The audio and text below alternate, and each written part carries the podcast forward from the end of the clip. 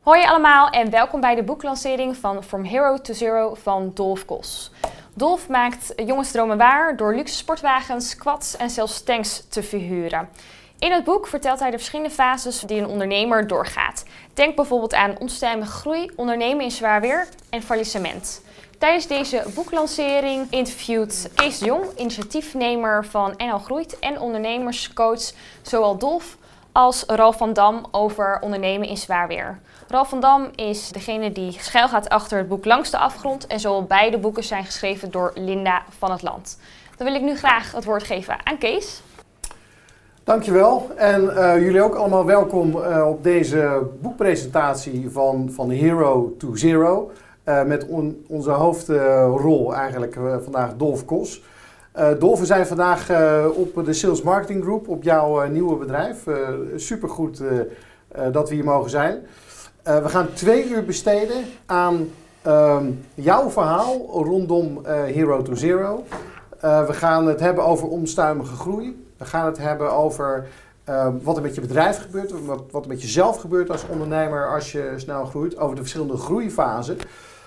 En vandaag specifiek gaan we ook uitgebreid stilstaan, wat als het nou niet lukt? En dat is natuurlijk de zero in het verhaal van Dolf. Um, wat als je uiteindelijk failliet gaat? Uh, nou, dat doen we met Dolf, dat doen we met mij. Maar we hebben nog een, een andere spreker, uh, andere gast, dat is Ralf van Dam. Um, Ralf van Dam uh, heeft ook een boek geschreven. Dat is Langs de Afgrond. Dat heeft hij twee jaar geleden uitgebracht. En daar heb ik bijzonder van genoten, omdat het eigenlijk de eerste keer was dat ik zelf een, boek las waarin zo openhartig werd gesproken over wat er precies gebeurt als je, als je failliet gaat. En toen ik dat las, dan voelde ik de pijn als, als, als ondernemer.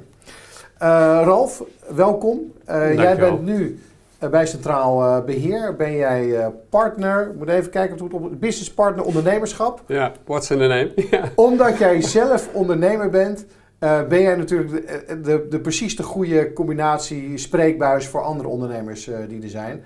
Um, dus het ondernemerschap heb je even opgegeven en nu ben je bij Centraal Beheer eigenlijk help je andere ondernemers. Nou, combineer het hè.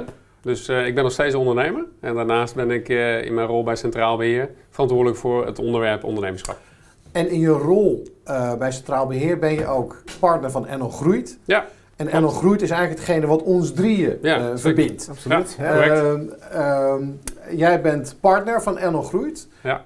ik ben medeoprichter van NL Groeit. En geloof het of niet, Dolf is mentor bij NL Groeit, maar is ook verantwoordelijk voor de marketing van, van NL Groeit. Ja. Um, voor degenen die NL Groeit niet kennen. Uh, je hebt juist een kort clipje kunnen zien. Die gaan we deze uitzending gaan we nog verder, uh, gaan we nog een keer uh, laten zien. Maar het belangrijkste is dat NL Groeit ondernemers helpt met de groei van het bedrijf van de ondernemer. En dat doen we voornamelijk om te focussen op de ondernemer zelf. En onder het adagium als de ondernemer groeit, dan groeit het bedrijf ook. vaak zien we dat het, ehm, dat, dat het sleutelpunt van wel of niet groeien zit bij de ondernemer zelf en die proberen te helpen, dan wat te koppelen aan een mentor of door te verwijzen naar een groeiprogramma. Of in ieder geval, we hebben een heel aantal initiatieven daarvoor. Um, maar tot zover de uh, NL groeit. Uh, we gaan het hebben over het fantastische. We beginnen over het, met het fantastische verhaal van, van Hero to Zero. Jullie hebben net een filmpje kunnen zien vooraf. En dat filmpje dat gaf een beetje een indruk van het bedrijf op basis waarvan dit boek uh, uh, is gebaseerd. Dolf. Kees. Ja, wat geweldig dat jij dit organiseert en wat geweldig ook. En ik heb het natuurlijk een paar keer gelezen. Ik heb het gelezen toen het nog geen boek was, hè? het eerste manuscript. Ja. Ja. En ik heb het uh, van de week weer gelezen ter voorbereiding. Maar ehm, mag ik je eerst een compliment maken hoe geweldig het is dat jij ook met je billen bloot wil. Omdat faillissement eigenlijk nog een beetje een, een topic is ehm, het is beter dan vroeger, maar het is nog steeds een beetje een bedoezeld topic. Er is nog wel een taboe op, nog ja. steeds, ja. ja. Dus dat, uh, dat klopt. Ja. Maar wa waarom dit boek en waarom dit onderwerp over jouw faillissement? Uh, nou, dit boek uh, is eigenlijk ontstaan omdat ik heel vaak wacht. Ik zou er eigenlijk een boek over moeten schrijven. Een heleboel dingen die je tegenkomt in, in het ondernemen lijken uniek. Ehm, en die maakt eigenlijk iedereen mee. En zeker wat er gebeurt rondom faillissement. En uiteindelijk ook weer hoe je daar doorheen kan komen ja, dat biedt, uh, dat biedt ook ondernemers weer, weer kansen om ook uh, ja, daarna weer door te gaan. Eh, dus die, dat wilde ik graag meegeven als inspiratie ook. Ja. Maar is het eigenlijk inspiratie van, eh, oké, dus als het misgaat, dan kan je daarna weer verder? Of, of wil je ook mensen lessen meegeven, het hoeft niet misgedaan, eh, mis te gaan als je dit en dit maar doet? Uiteraard, er zitten een heleboel lessen in die niet, die niet mis hoeven te gaan. Ja. Ehm, dus er zijn een heleboel tips eh, waar je op kan letten die je verder kunnen helpen. Ehm, maar het kan ook inderdaad gebeuren dat het wel misgaat. En dat beschrijf ik inderdaad, eh, net als Ralf ook, wat er dan gebeurt en, Ja. ja, en hoe dat, ja, wat, wat dat doet. Oké, je maakt hele diepe, diep, eh, diepe punten mee. Dat geldt voor jullie allebei. Eh, daar gaan we het eh, straks nog over hebben. Maar er is een toekomst, inderdaad. Want jij hebt nu weer een bloeiend bedrijf, de Sales Marketing Group. Het gaat alweer een tijdje goed. Ja, uiteindelijk eh, ontstaan er ook weer kansen als je daarna weer doorgaat. En, en dat moet natuurlijk ook. Ehm, en, en vanuit daar kom je ook weer in je kracht. En, en durf je op een gegeven moment ook weer hier overheen te stappen. En te denken, ja, ik moet er eigenlijk wat mee gaan doen. En, eh, en zo heb ik het, eh, ja, naar aanleiding van jouw boek eigenlijk, eh, dacht ik, ik, ik moet dit ook beschrijven. En zo. Ja, was het een inspiratie van, van Absoluut. Ja, het is, dat is, ik heb het vaker geroepen van, "Wow, ik zou het eigenlijk wat mee, mee moeten. Maar toen ik jouw boek las, toen gaf me dat echt eh, de zet van, joh, ja, hier moet ik wat mee. Dus, eh, en Ja, Linda mooi. is dezelfde schrijfster. Ja, Dus, ja, ja, dus dat is ook het logische, logische haakje. En dat komt weer door NL Groeit. En nou, dan is, de, Dat is is alles de- weer bij elkaar. hè? cirkel bijna weer rond. Dan hebben we nu nog eh 1, Ja. minuut en 50 minuten te gaan. 1 uur en 50 minuten te gaan. Ehm, maar die gaan we vast wel, vast wel rond of vol krijgen. Ehm, de mensen hebben wel het filmpje gezien. Maar zou jij iets meer willen vertellen over jouw eh ondernemerschap pad? Wanneer is het voor jou eh, begonnen? Was je altijd al ondernemer? Kom je uit een ondernemersnest? Ja, eh, nou, ik wilde wel altijd al ondernemer worden.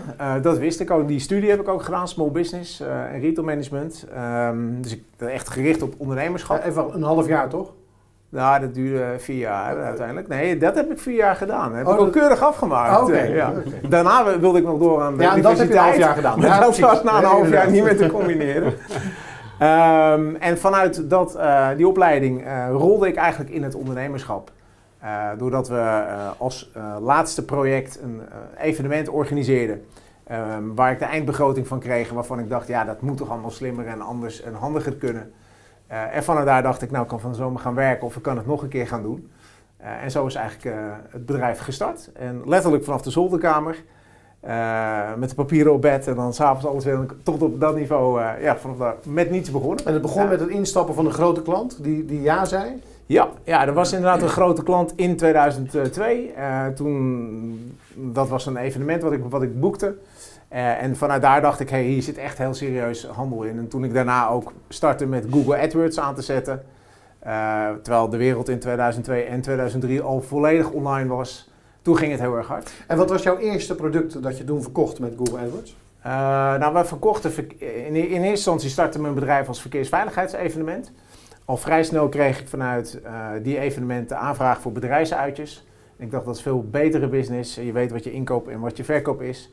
Je hebt geen onzekere factoren met of het mooi weer is of je sponsors meedoen en nou, een heel evenement eh, ervan te maken. Dus met bedrijfsuitjes had je een normalere business. En vanuit daar eh, verkocht ik via Google AdWords dus heel veel aanvragen die zorgden voor, eh, voor bedrijfsuitjes. Ja. En van bedrijfsuitjes, daar kwamen steeds meer eigenlijk toeters en bellen bij, letterlijk. Ja, ja zeker. Eh, ja. wat mooi was, is het verhaal dat je je eerste Ferrari kocht. ja. Ik weet niet of het relevant is om te zeggen, maar je kocht hem cash. Ja. En. Het was eigenlijk zinloos, want je ging naar de bank en, en je haalde het cash op en je betaalde het vervolgens cash. Ik was 23. Eh, het begon inderdaad dat de klant vroeg, kun je ook Ferrari rijden als onderdeel in het evenement aanbieden? En ik dacht, ja, waarom niet? Dus eh, ik had het verkocht en dacht ik, waar ga ik in hemelsnaam zo'n ding vandaan halen? Dus ging ik zelf ook googlen.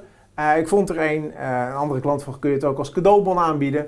Nou, voor je het wist had ik voor 10.000 euro aan cadeaubonnen verkocht. En toen dacht ik, ja, ik kan beter zelf zo'n ding kopen. Dus toen ben ik inderdaad op mijn 23e naar de bank gegaan. Ik zeg, ik kom 48.000 euro opnemen. Die mevrouw zegt, ik kan dat ook overmaken. Ik zeg, mevrouw, ik ben 23. Ik weet niet hoeveel u dat geld uitgeeft. Maar mij lijkt het wel een keer cool. En zo kom ik met zo'n stap- stapeltje met, met briefjes van 500 eh bij Ja. Trommels. Ja, destijds. Ja. Hey, maar dat was een mooie droom, het begin van een droom, maar die werd ruw verstoord. Nou, dat eh, kun je wel na, stellen. Na een week. Nou, het was iets langer. Het was, eh, het was zes weken inderdaad. Eind augustus uh, had een instructeur hem totalos tegen de paal aangevouwen. Dat was toch wel een van mijn eerste uh, dieptepunten. Ja. Ja. Maar gelukkig was hij goed verzekerd. Hij was verzekerd. We kregen daarna een vervangende en later in het jaar een tweede. En toen had ik eind 2003 al echt een hele organisatie opgebouwd. En zo groeide ik eigenlijk vrij snel door. Ja. ja. En dat is um, de verschillende. We gaan het straks hebben over de verschillende groeifases. Ja. Uh, maar ik wil kort even uh, de kijker uitleggen uh, wat voor soort bedrijf jij bouwde. Want jij had dus inderdaad, jij verkocht bedrijfsuitjes, jij verkocht cadeaubonnen voor het doen van een uitje, hè, het rijden ja. met een Ferrari of het, later ook het rijden met een, met een tank of, ja. het, of het doen van een slipcursus. Maar uiteindelijk had jij van een marketingorganisatie ging je ook daadwerkelijk dat soort banen exploiteren. Ja, dat gebeurde inderdaad in 2004. In 2003 was ik echt een boekingskantoor waarin we inderdaad al dat soort uitjes vermarkten. Uh, en we startten met Ferrari rijden, wat we dan zelf exporteerden. Uh, maar op een gegeven moment, ja, ondernemers zijn eigenwijs, hè, dus die, uh, die denken, ja, het kan beter. Uh, dat dacht ik ook. En ik miste eigenlijk een locatie, locatie in de regio Den Haag, waar, waar toch heel veel klandizie zat. Um, en ik ben daar op zoek gegaan naar een locatie en die vond ik in 2004. En daar heb ik letterlijk toen van een weiland een evenemententerrein uh, gemaakt. Ja, en dan word je wel een heel ander type bedrijf. Dus dan uh, van een verkoop- en marketingbedrijf gingen we ineens naar een bedrijf wat ook te maken had met horeca, met planning, met instructeurs, monteurs. Tal van andere disciplines waar ik zelf geen kaas van had gegeten. Even een hele kleine vraag tussendoor. Als, je, als we nu een soort tijdstrucje zouden kunnen doen waarbij jij nu jezelf advies zou kunnen geven over die beslissing. Ja, ik, ik, ik, ik, toen was ik 24. Ik zou dat nu niet meer doen, denk ik. Nee. Oké, dus je advies zou zijn: op het moment dat jij een schaalbaar businessmodel hebt rondom een soort online marketingmodel, is het niet handig om dat tegelijkertijd te combineren met een niet schaalbaar model waarbij je alleen kan groeien door heel veel mensen in dienst te nemen? Uh, ja, dat zou wel een van mijn adviezen zijn. Ja. Oké, okay, dus nou, dat is al dan de eerste tip van vandaag voor degenen die kijken. Dan, uh, dan kunnen jullie die alvast uh, opstrijden. Um, maar uiteindelijk had je meerdere banen. Dus je ging van, van Moordrecht, ging je ook naar, naar, naar Nune, kreeg je een baan. En zo bouwde je eigenlijk een soort imperium van verkeersslip, cursusbanen, ja. evenemententerreinen. Op die manier bouwde je op. Ja, we waren altijd al een landelijke organisatie. Dus ik boekte ook in 2003 al in Almere en Weert die, die evenementen. startte in 2004 met onze eigen locatie, bleven ook landelijk boeken. Maar ja, op een gegeven moment ga je ja, groeien, groeien en denk ja, ik kan eigenlijk daar ook wel een baan exporteren. Dus eigenlijk in, in 2008 startte ik de tweede locatie die we zelf gingen exporteren in Nune. En hadden we ook al een samenwerkingsverband in reizen en boekten wij zo bij nog een aantal locaties. Ja. Dus we waren echt de landelijke evenementaanbieder ja. op dat moment. En ehm, jij groeide destijds van man of 15 naar 30 naar 35 en uiteindelijk had je 70. 80 ja, man in dienst? Ja, dat was inderdaad in de periode uh, van, van 2004 tot 2008. Groeiden wij eigenlijk jaarlijks 40% jaar op jaar op jaar. Ja. Um, wij konden dingen goed online vermarkten. Uh, dus dat konden we uh, met onze eigen producten, maar op een gegeven moment ook met producten van anderen, de diensten van anderen. Dus ballonvaren, zweefvliegen, noem het maar. Zo startte ik in 2050 een cadeaubonnenbedrijf naast.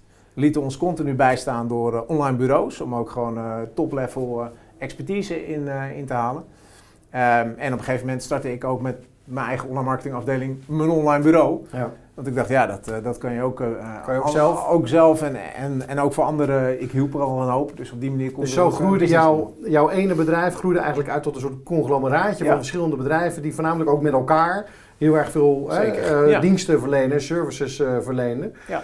Um, toen vervolgens kwam de financiële crisis. Um, die haakte erin, ja. En Ralf, dat speelt bij jou straks ook een uh, belangrijke rol, die financiële crisis. Daar gaan we straks Zeker. uitgebreid bij stilstaan. Um, maar als ik jouw boek lees, en je hebt het zelf opgeschreven natuurlijk, maar leek het erop dat je heel kordaat en snel en goed optrad. Ja. Uh, je raakte niet in een soort verstijving. Nee. Het was eigenlijk zo dat je precies de goede dingen deed als ik ja. het teruglees. Ja. Nou, we waren op dat moment echt vol op de groei. Echt best wel zwaar ook op. We waren elk jaar 40% gegroeid. Zomer 2008 zat ik op 70 medewerkers. En uh, je merkt dat je al wat, wat, wat, uh, ja, wat logger aan het worden bent. Vervolgens, uh, nou, de crisis brak uit en de banken vielen om. En ja, het regende echt annuleringen binnen hele korte tijd van geboekte events. Terwijl bedrijven ook eh, annuleringsvoorwaarden hadden. Dus ze moesten soms ook nog gewoon een gedeelte betalen. Maar Ja. ze vonden het gewoon not done om iets te organiseren. Ja, en toen dacht ik, ik moet wel echt heel snel ingrijpen. Dus eigenlijk hebben we toen bedacht van in een periode van anderhalf jaar... eh, ja, te halveren eh, van eh, nou, najaar 2008 met 70 man tot voorjaar 2010 eh, naar 35 mensen. Ja. En 2009 was echt een jaar volop. Nou, dan kunnen we het misschien zo meteen Ik sla even de ellende over Precies, inderdaad. ja. 2009 was zwaar, 2010 Ja. begon het weer. En eigenlijk ging je mee op een tweede golf. En de tweede golf, dat was de, het groep aankopen. Dat was de, in de tijd van eh, De Groupons. eh, de Groupon inderdaad. En er waren meer groepsaankopen initiatieven. Ja, ja die collective buying, eh, dat was ook echt collective buying power. Ik herinner me nog dat ik eh, mei 2010 op de Libelle Zomerweek stond eh, en dat we 70 bonnen hadden verkocht. Ik dacht, nou, dat is nog best aardig met, met al je naamsbekendheid die je eromheen eh bereikt. En toen deden we één zo'n actie en toen verkocht je er 700. Eh, en toen zijn we die markt meer gaan opzoeken. En dat zorgde ervoor dat we in 2011 en 2012, wat ik nu later noem, onstuimige groei hebben meegemaakt. Ja. Twee jaren van 50% groei jaar op jaar. Ja. En omstuimige groei is straks het eerste grote onderwerp die we gezamenlijk gaan bespreken. Ja.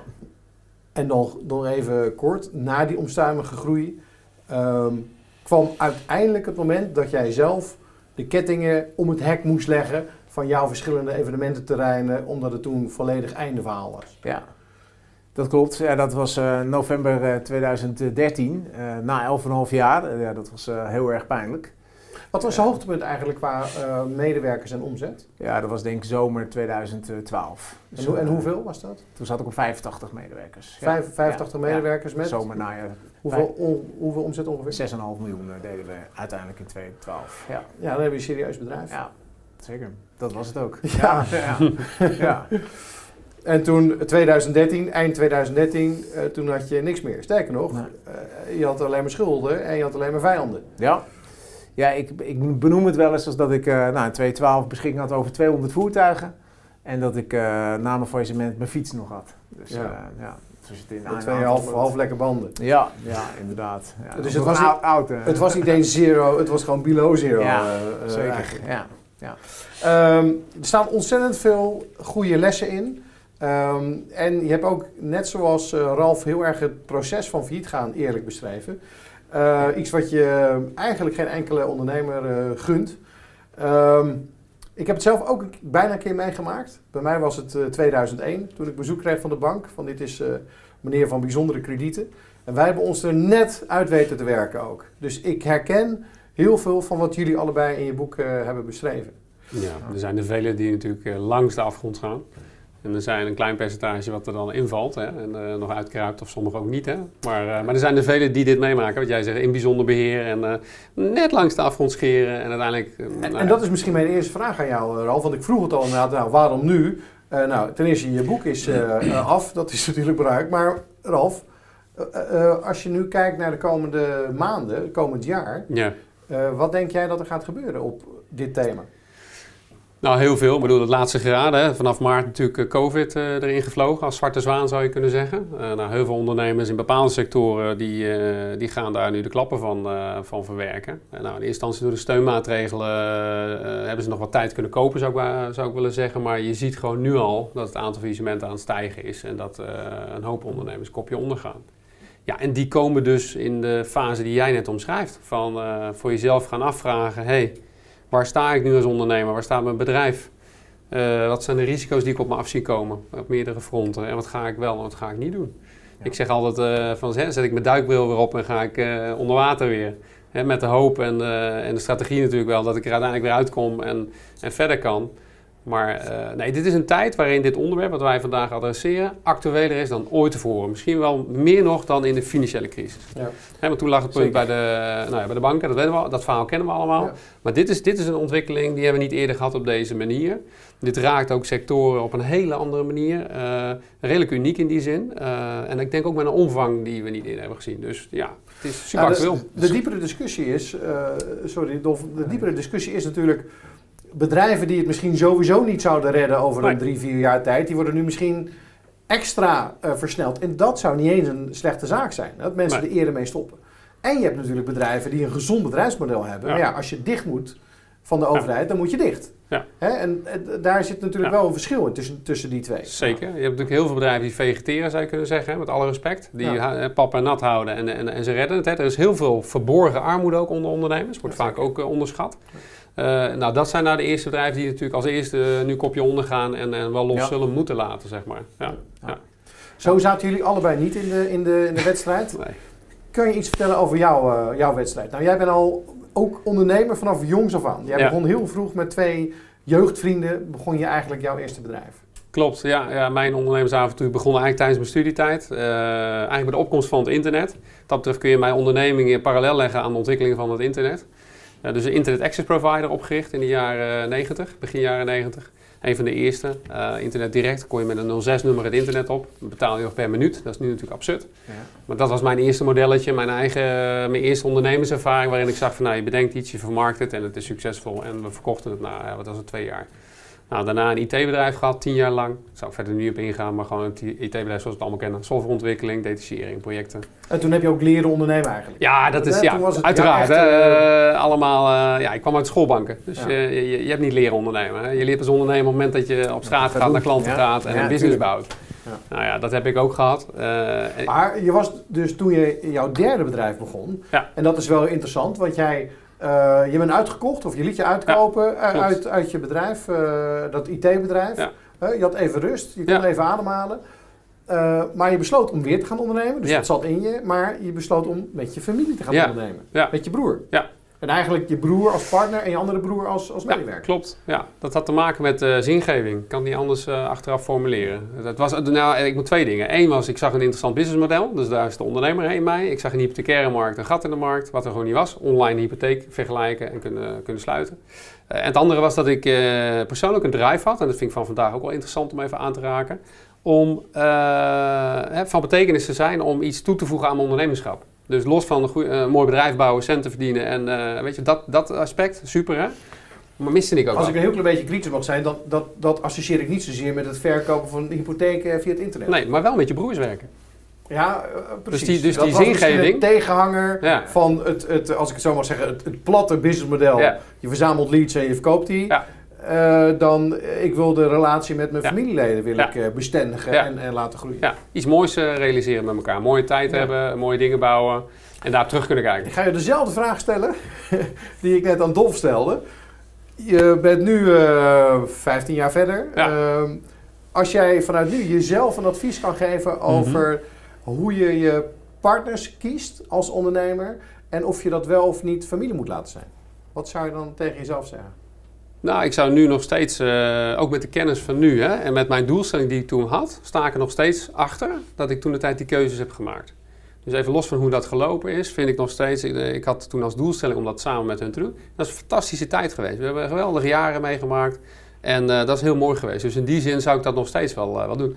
Het is wel zo, en dat heb ik wel ervaren, zaken doen met je familie en dus een familiebedrijf bouwen, kent natuurlijk hele andere dynamieken weer, komen erbij, zou ik bijna willen zeggen, bij het ondernemerschap, dan je van tevoren kan overzien. Ja.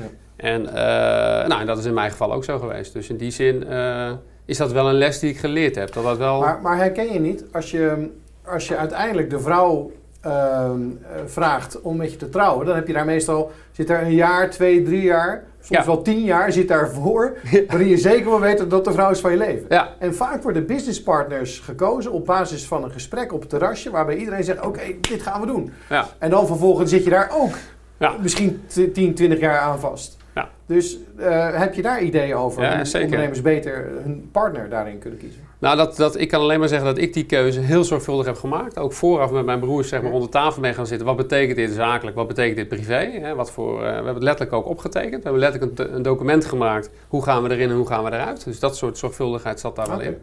Dat Maar- gebeurt niet vaak trouwens. Nee, ik heb dat wel, eh, want ik voelde wel, ik wist wat, eh, wat op het spel stond. En dat was natuurlijk je persoonlijke relatie, dus eh, je familiaire relatie. Dus ik, Ja. we zijn er heel zorgvuldig in gegaan.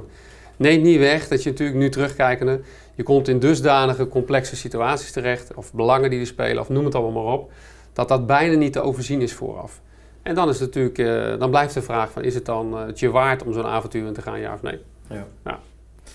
Ehm, we gaan weer even terug naar, jij bent dat bedrijf eh, gestart dat zich richtte op het verzamelen van online leads. Ja. Eh, en uiteindelijk bouwde je daar een database mee op. 800.000 eh, mensen zaten erin. Ja. En uiteindelijk was je daarmee ontzettend interessant voor allerlei soorten banken en, en hypotheekbedrijven.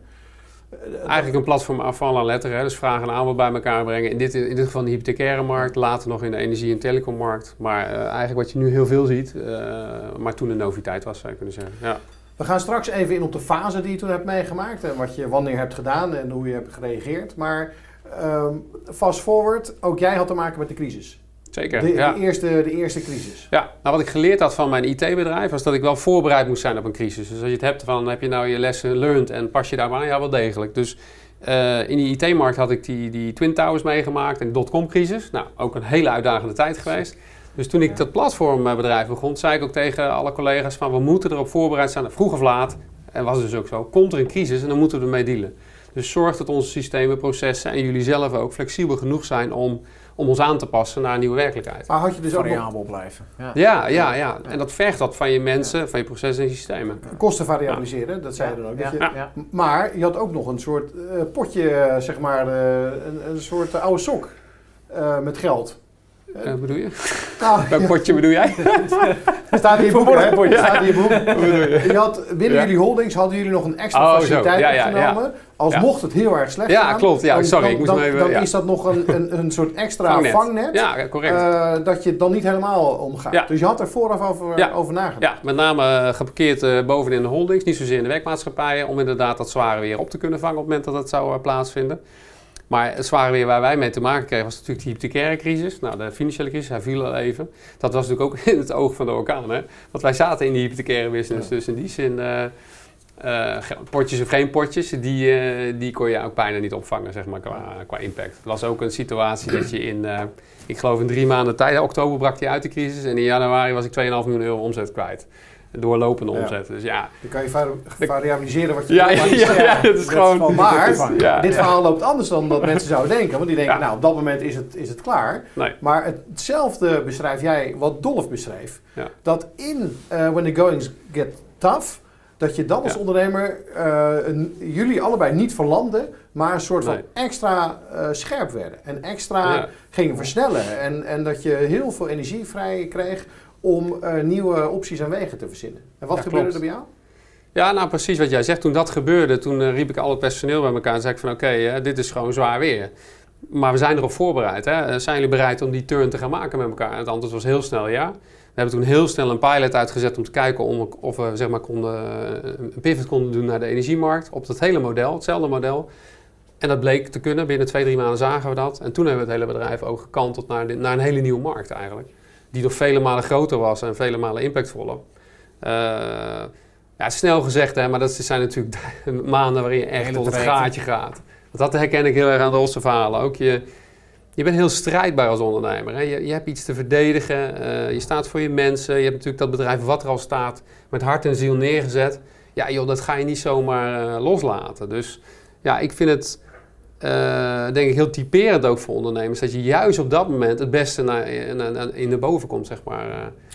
is, is dat nou ook niet een soort fundamenteel iets dat je juist als het zo snel gebeurt met zo'n crisis, hè, oktober ging Lehman eh, failliet en, en toen was er Ja. crisis en dan word je strijdbaar. Ja. Is juist het gevaar niet van heel veel ondernemers dat als je iedere, ieder jaar eigenlijk 3% minder gaat, dat het eigenlijk net zo is een, eh, als, als een emmer met, eh, met kikkers die langzaam opwarmt. Je hebt het niet zo in de gaten dat, dat het steeds slechter gaat. Stilstand is achteruitgang, hè? Nou, Ja. stilstand Ja. water gaat stinken, hè? dat is Ja. inderdaad mijn favoriete quote.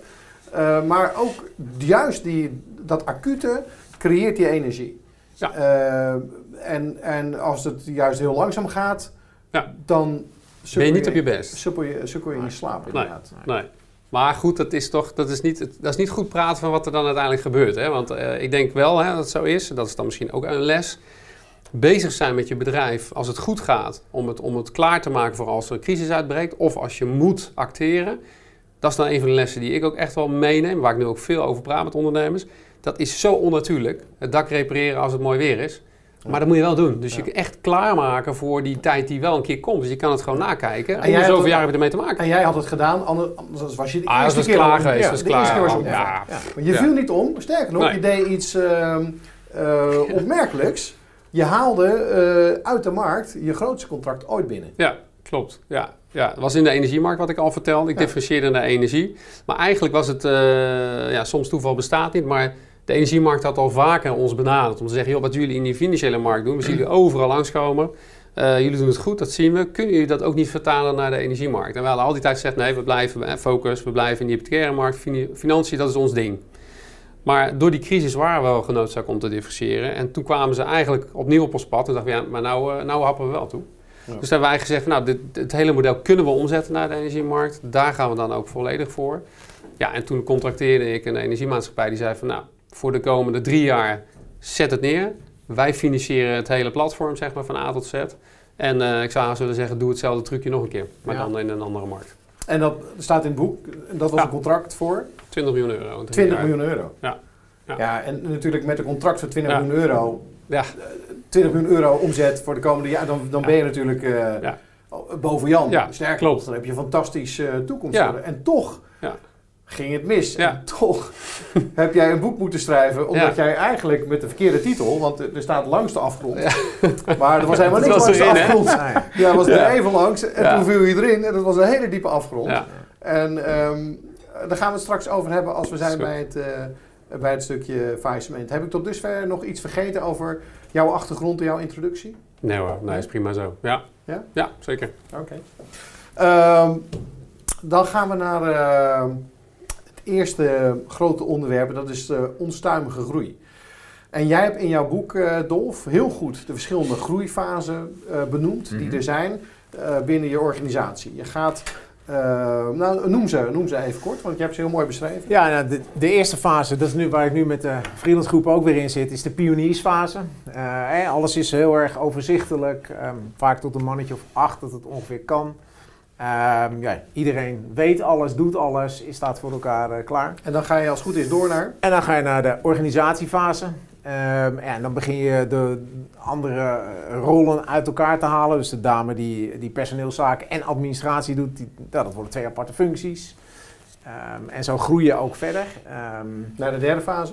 en dat is de... Weet jij die toevallig, eh Ralf? Volwassenheidsfase? Of ik reed te vroeg? Volwassenheidsfase? Nee, dat is te vroeg. Oh, En ben ik te vroeg? en Ben ik te ook- vroeg? Ook de verkeerde naam. Oh, oh. Maar maakt niet uit, hè. Ik vond een goede de poging. managementfase. Geen punten. het. Oh, managementfase, ja. Ja, ja, ja.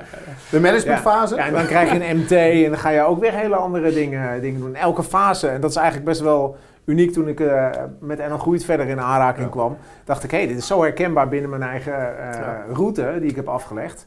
En terwijl op dat moment denk je ja, als ondernemer dat je verhaal uniek is.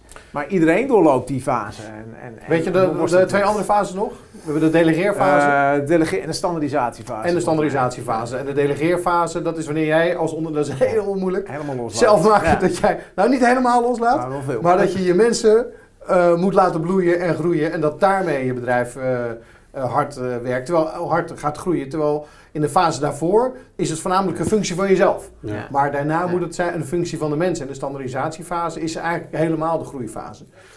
Nu heb je het woord omstuimige groei ook in jouw boek gezet. Ehm, en die omstuimige groei die kan eigenlijk in alle fases kan die plaatsvinden. Ehm, en dat is eigenlijk als we eh, de definitie eraan hangen dat je in ieder geval meer dan 50% groeit. En zeker als je klein bent is het vaak dat je met 100, 200, 300, 300% groeit. En dat echt continu alles, ehm, alles verandert. Dat eigenlijk eh, de nieuwe maand niks meer is als de vorige maand, waar het gaat om eh, mensen, eh, kantoor, product. Dat, dat, dat hebben jullie allebei meegemaakt. Ja. Zou je iets, wanneer was dat bij jou, die fase?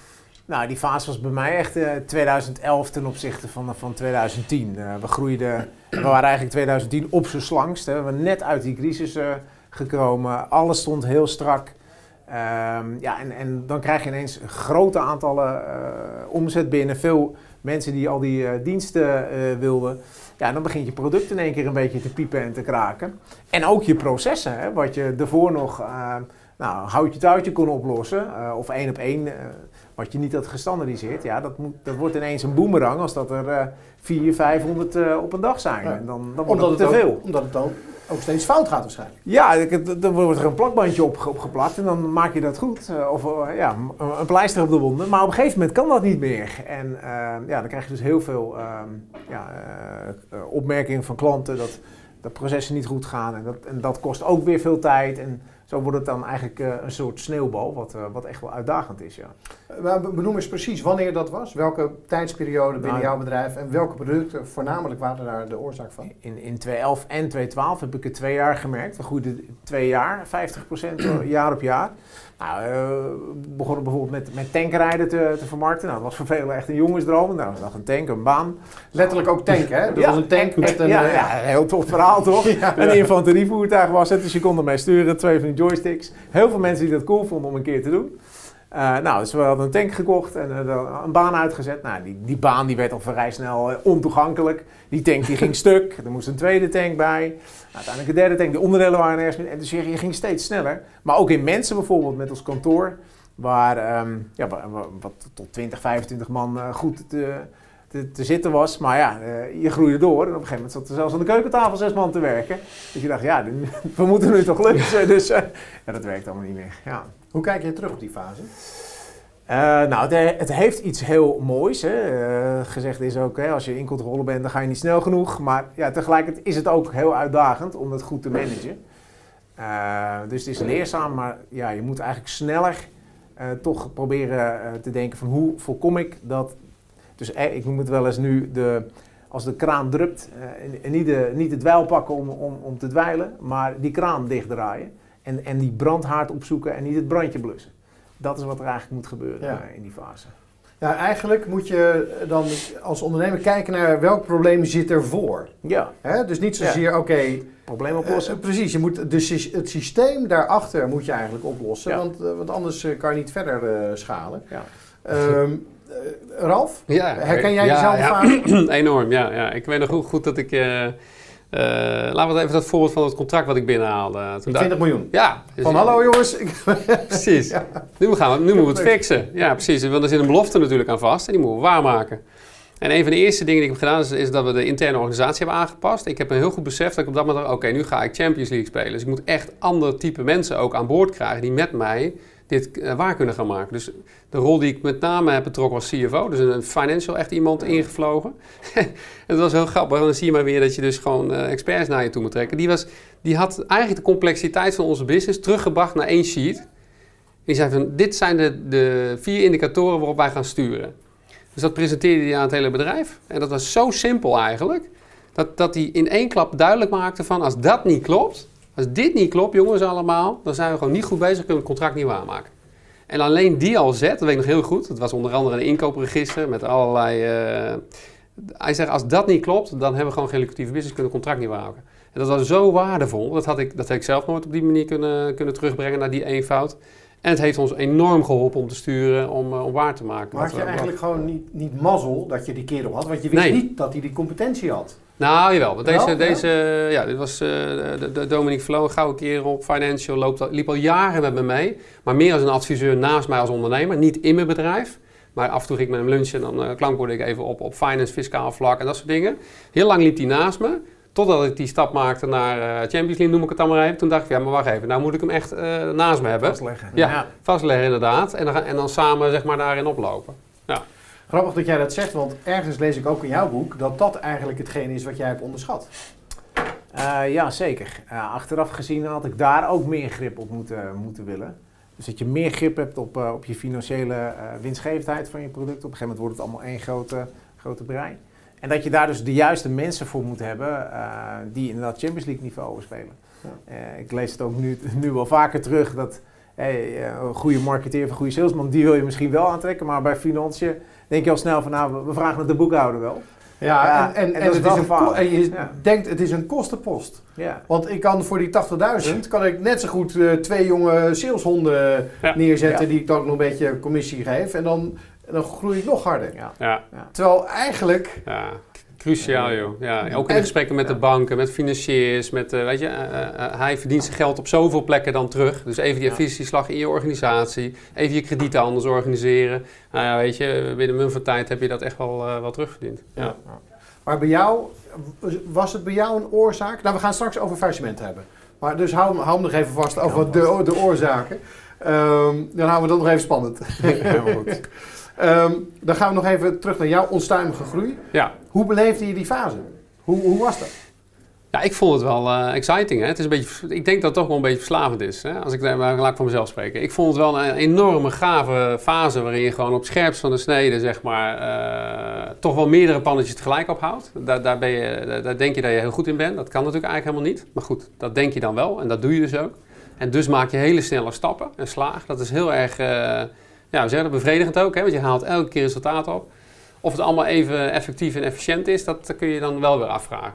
Want er valt ook wel veel van je bordjes af natuurlijk, wat je dan op dat moment niet zo ziet. Eh, dus, dus, dus die onstuimige groei is als, als ondernemer, hè, gewoon ondernemershart is het super gaaf.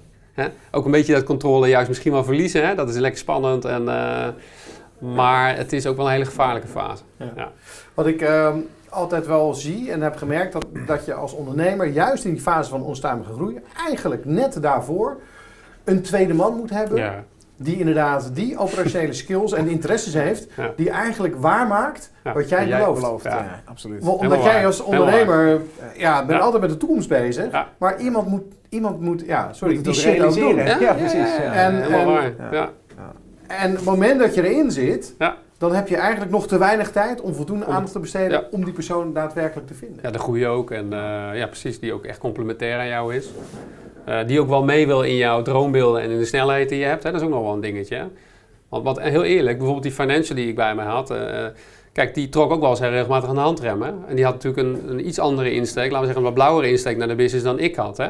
Dus dat is ook wel spannend. Hè? Je haalt natuurlijk ook wel iemand binnen Ja. die, eh, waar je af en toe van denkt, shit, shit, weet je wel, ik wil door of ik wil Ja, dit. Dus, Hij remt af, Ja. of zij remt af. ja, ja, en dat moet je Ja. toch waarderen. En dan moet je toch natuurlijk wel een luister Ja, want het ergste is als iemand dat dus niet tegen je durft te zeggen. Nou, dat, ja. Als je dus Ja. iemand, Ja. als je dus, dus als ondernemer zo charismatisch of Ja. dominant bent, Ja. En dat ze nou ja, Ja. hij zal het wel weten, terwijl jij dat natuurlijk niet weet. Ja, wat, en- wat, wat zou het advies zijn eh, wat, dat jullie zouden hebben aan ondernemers voor het zoeken van iemand die ze af en toe eh, binnen de rails kunnen houden?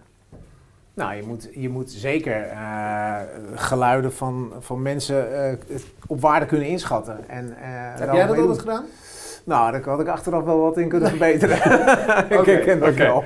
Dus hoe vind je iemand waar jij naar luistert? Ja, dat, dat zijn mensen met meer ervaring. En, en die vaak ook eh, het al bij grotere bedrijven hebben gedaan en, en hebben laten zien. Eh, want dat dwingt een beetje gezag af hè, richting een ondernemer. Dat Ja. je denkt, ja, hij, hij heeft het daar al laten zien, dus hij zal het wel weten. Nou ja, het bruggetje naar naar groeit is dan snel gemaakt. Hè? Dus andere ondernemers die het al eerder hebben gedaan en hebben meegemaakt, die ook snappen in wat voor situatie jij zit, Ja. dat is goud waard. Want die spreken dezelfde taal als jou, die weten jou ook aan te spreken op dezelfde manier, op de punten waar je natuurlijk ook een beetje gevoelig voor bent. Ja. En dat is, dat is waar je dan wel naar luistert, is mijn, is mijn ervaring. Ja. Nou, dat vind ik een heel mooi bruggetje, Mooi want we zouden het filmpje van Enno Groeit nog een keer laten zien. Oh ja. Eh, we zitten nog niet op de helft van de uitzending, maar eh, we zijn al 50 minuten eh, zijn we onderweg. Oké. Ehm, dus we starten het filmpje straks even in. Ja. En eh, nogmaals, Enno Groeit is een, is een non-profit organisatie. Niemand wil iets verdienen aan die ondernemer. Het is alleen maar eh, heel veel ondernemers. Eh, we hebben nu geloof ik 380 mentoren die zich vrijwillig inzetten om andere ondernemers Ja. een stukje verder te helpen op momenten dat zij dat nodig hebben. Hè, de, de, de schouder en af en toe de, de schop onder de kont die ondernemers eh, eh, nodig hebben. Nodig hebben. Ja. En, en we weten dat ondernemers eigenlijk niks van iemand aannemen, tenzij het een andere ondernemer is die een groter bedrijf heeft gehad. En, Ja. en dat model, dat faciliteren we eh, binnen Anno Groet. Dus ik kijk even naar de regie. Ja, kijken we even naar het filmpje. Onze droom is dat Nederland een land wordt van groeiondernemers. Een land dat uitdaagt tot innovatief, ambitieus en grenzeloos ondernemerschap. Wat leidt tot duurzame waarde voor de ondernemer en de samenleving.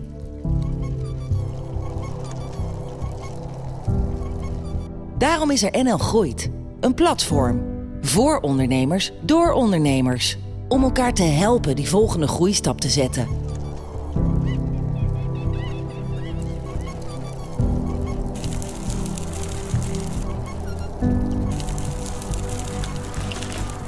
NL Groeit inspireert ondernemers om ambitieuzer te ondernemen, laat ondernemers aan zichzelf werken en biedt concrete hulp.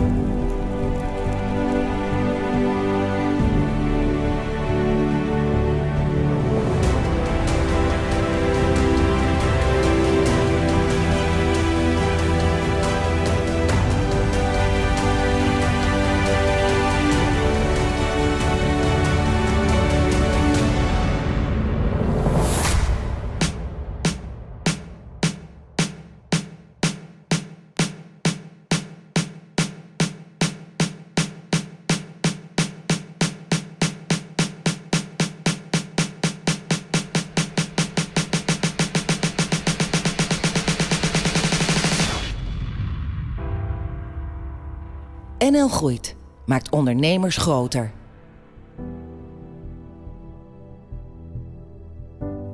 Welkom terug bij de boekpresentatie van Dolf Kos, zijn boek van Hero to Zero.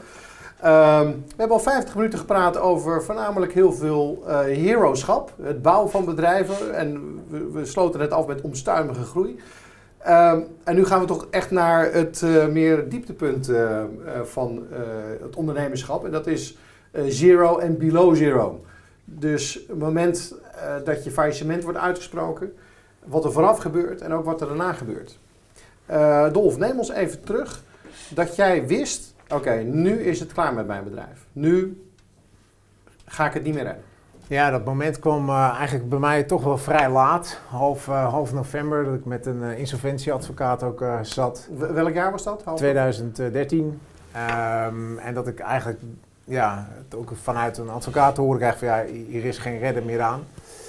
Uh, en je op dat moment uh, uh, eigenlijk de voorbereidingen moet doen om ja, er zo goed mogelijk voor je schuldeisers uit te komen. Ehm, en dat alles er ook op gericht is om straks die, nou, degene die de, de curator uiteindelijk wordt, om, om alles mee te geven. Dat, dat is een uitermate pijnlijk proces, waar je ervoor echt nog aan strijden bent voor je bedrijf en, en, en probeert er doorheen te komen ben je dan eigenlijk proberen om alles zo goed mogelijk te documenteren. En ja, tot het moment dan. En je, nou, ik, in mijn geval moest ik de kettingen om de hekken doen. En ehm, heb ik ochtends nog maar op, op, de nieuwe week mijn MT bij elkaar geroepen, die ik toen inmiddels had. om ze te informeren. Daarna het personeel geïnformeerd. En uiteindelijk toen naar de rechtbank gereden en mijn faillissement aangevraagd. Ja. Dan. Um had je een week van tevoren nog de hoop dat het niet zou gebeuren? Nee, begin november nog wel. Ja. ja. Kijk, uh, het is wel zo dat je op een gegeven moment loop je, je loopt achter met, met, met tal van betaling, crediteuren die de, die de druk uh, opvoeren. Ehm, ik noem het wel eens de wet van Murphy. Als één ding tegen zit, zit alles ding tegen. Er was een Ferrari kapot gegaan. De garage had er beslag op gelegd. Ik was lange tijd bezig geweest om herfinancieringen voor elkaar te krijgen. Dat lukte me in 2009 wel. Ik was vol geloof dat het me ook in 2013 zou lukken. Nou, 2012 en 2013 waren achteraf gezien de banken zelf bezig om hun kredietfaciliteit te verbeteren en dus ook extra kritisch. Uh, en dat werd duidelijk in, uh, in november dat er geen, geen euro kwam. Sterker nog, ze gingen niet krediet verstrekken, maar een gedeelte ook intrekken. Nou, en zo had ik onopeenstapelende... Maar ook jouw advocaat zei in het eerste gesprek ja. van uh, volgens mij ben je technisch Technisch failliet, ja. Dus ja, ja dat hakt er wel in. Dat, uh, dan zie je eigenlijk je, ja, je levenswerk, uh, althans ja, alles wat, wat, je gedaan hebt, dat zie je als sneeuw voor de zon uh, verdwijnen. En ja, een heel heftige, heftige periode. Ja. ja. Um, Ralf, even naar jou, datzelfde moment. Ja. Dat moment... Ja. Nou, bij mij lag het moment iets eerder het beruchte 20 miljoen contract, zou ik maar even zeggen. Uh, daar lag wel een enorme afhankelijkheid ook bij mijn bedrijf. Hè? Dus een deel werd gefinancierd, zou je kunnen zeggen, door de klant. Wat op zich positief is, hè? maar ja. uh, dan ligt er ook een afhankelijkheid. Uh, maar goed, er kwam een moment dat er een nieuwe CEO aan boord kwam van, van, bij die klant, zeg maar. Lang verhaal kort, die schuurde het contract door en die gaf eigenlijk aan van wij stoppen met de samenwerking. Ondanks dat er een commitment is afgegeven. En eigenlijk in dat moment dacht ik al van, wow, dit is heftig. Dit, als dit, ik geloofde het gewoon niet op dat moment. Dat is ook de opening van je boek, hè? Dat, Ja, stuk. Dat je klopt. dat beschrijft. Ja. Dat die klant op dat moment Ja. zegt van... eh, Ja, we doen alsof dit contract er nooit is. Of ja, zoiets ja, zei hij. ja, ja, exact. Hij zei van, eh, dit contract bestaat niet meer. Ja. En, eh, en als je je afspraken niet nakomt, dan, ha- dan, dan halen we het op bij de curator. Ook zo'n zin. Als je nog nooit als ondernemer in die wereld hebt gefunctioneerd, dan denk je, waar heeft die man het in godsnaam over? Maar dat is gewoon strategie. Het is gewoon strategie. Want hij wist al wat er zou gaan gebeuren. hij Sterker wist- nog, het was zijn strategie. het dat- was een dat te strategie. laten Het was gebeuren. echt een strategie. Gewoon, Wat, wat had jij verkeerd gedaan eh, naar die meneer? Nou, niet. Het was gewoon, eh, ja, het is allemaal achteraf. Maar ik denk dat het achteraf gewoon een, eh, het is ook een deels een rekensom geweest. Hè? Laten we zeggen, er lag nog een verplichting van 13 miljoen euro. Dus het was of deze strijd aangaan hè, met advocaten en alles erop en eraan. En eigenlijk die 13 miljoen euro kunnen besparen.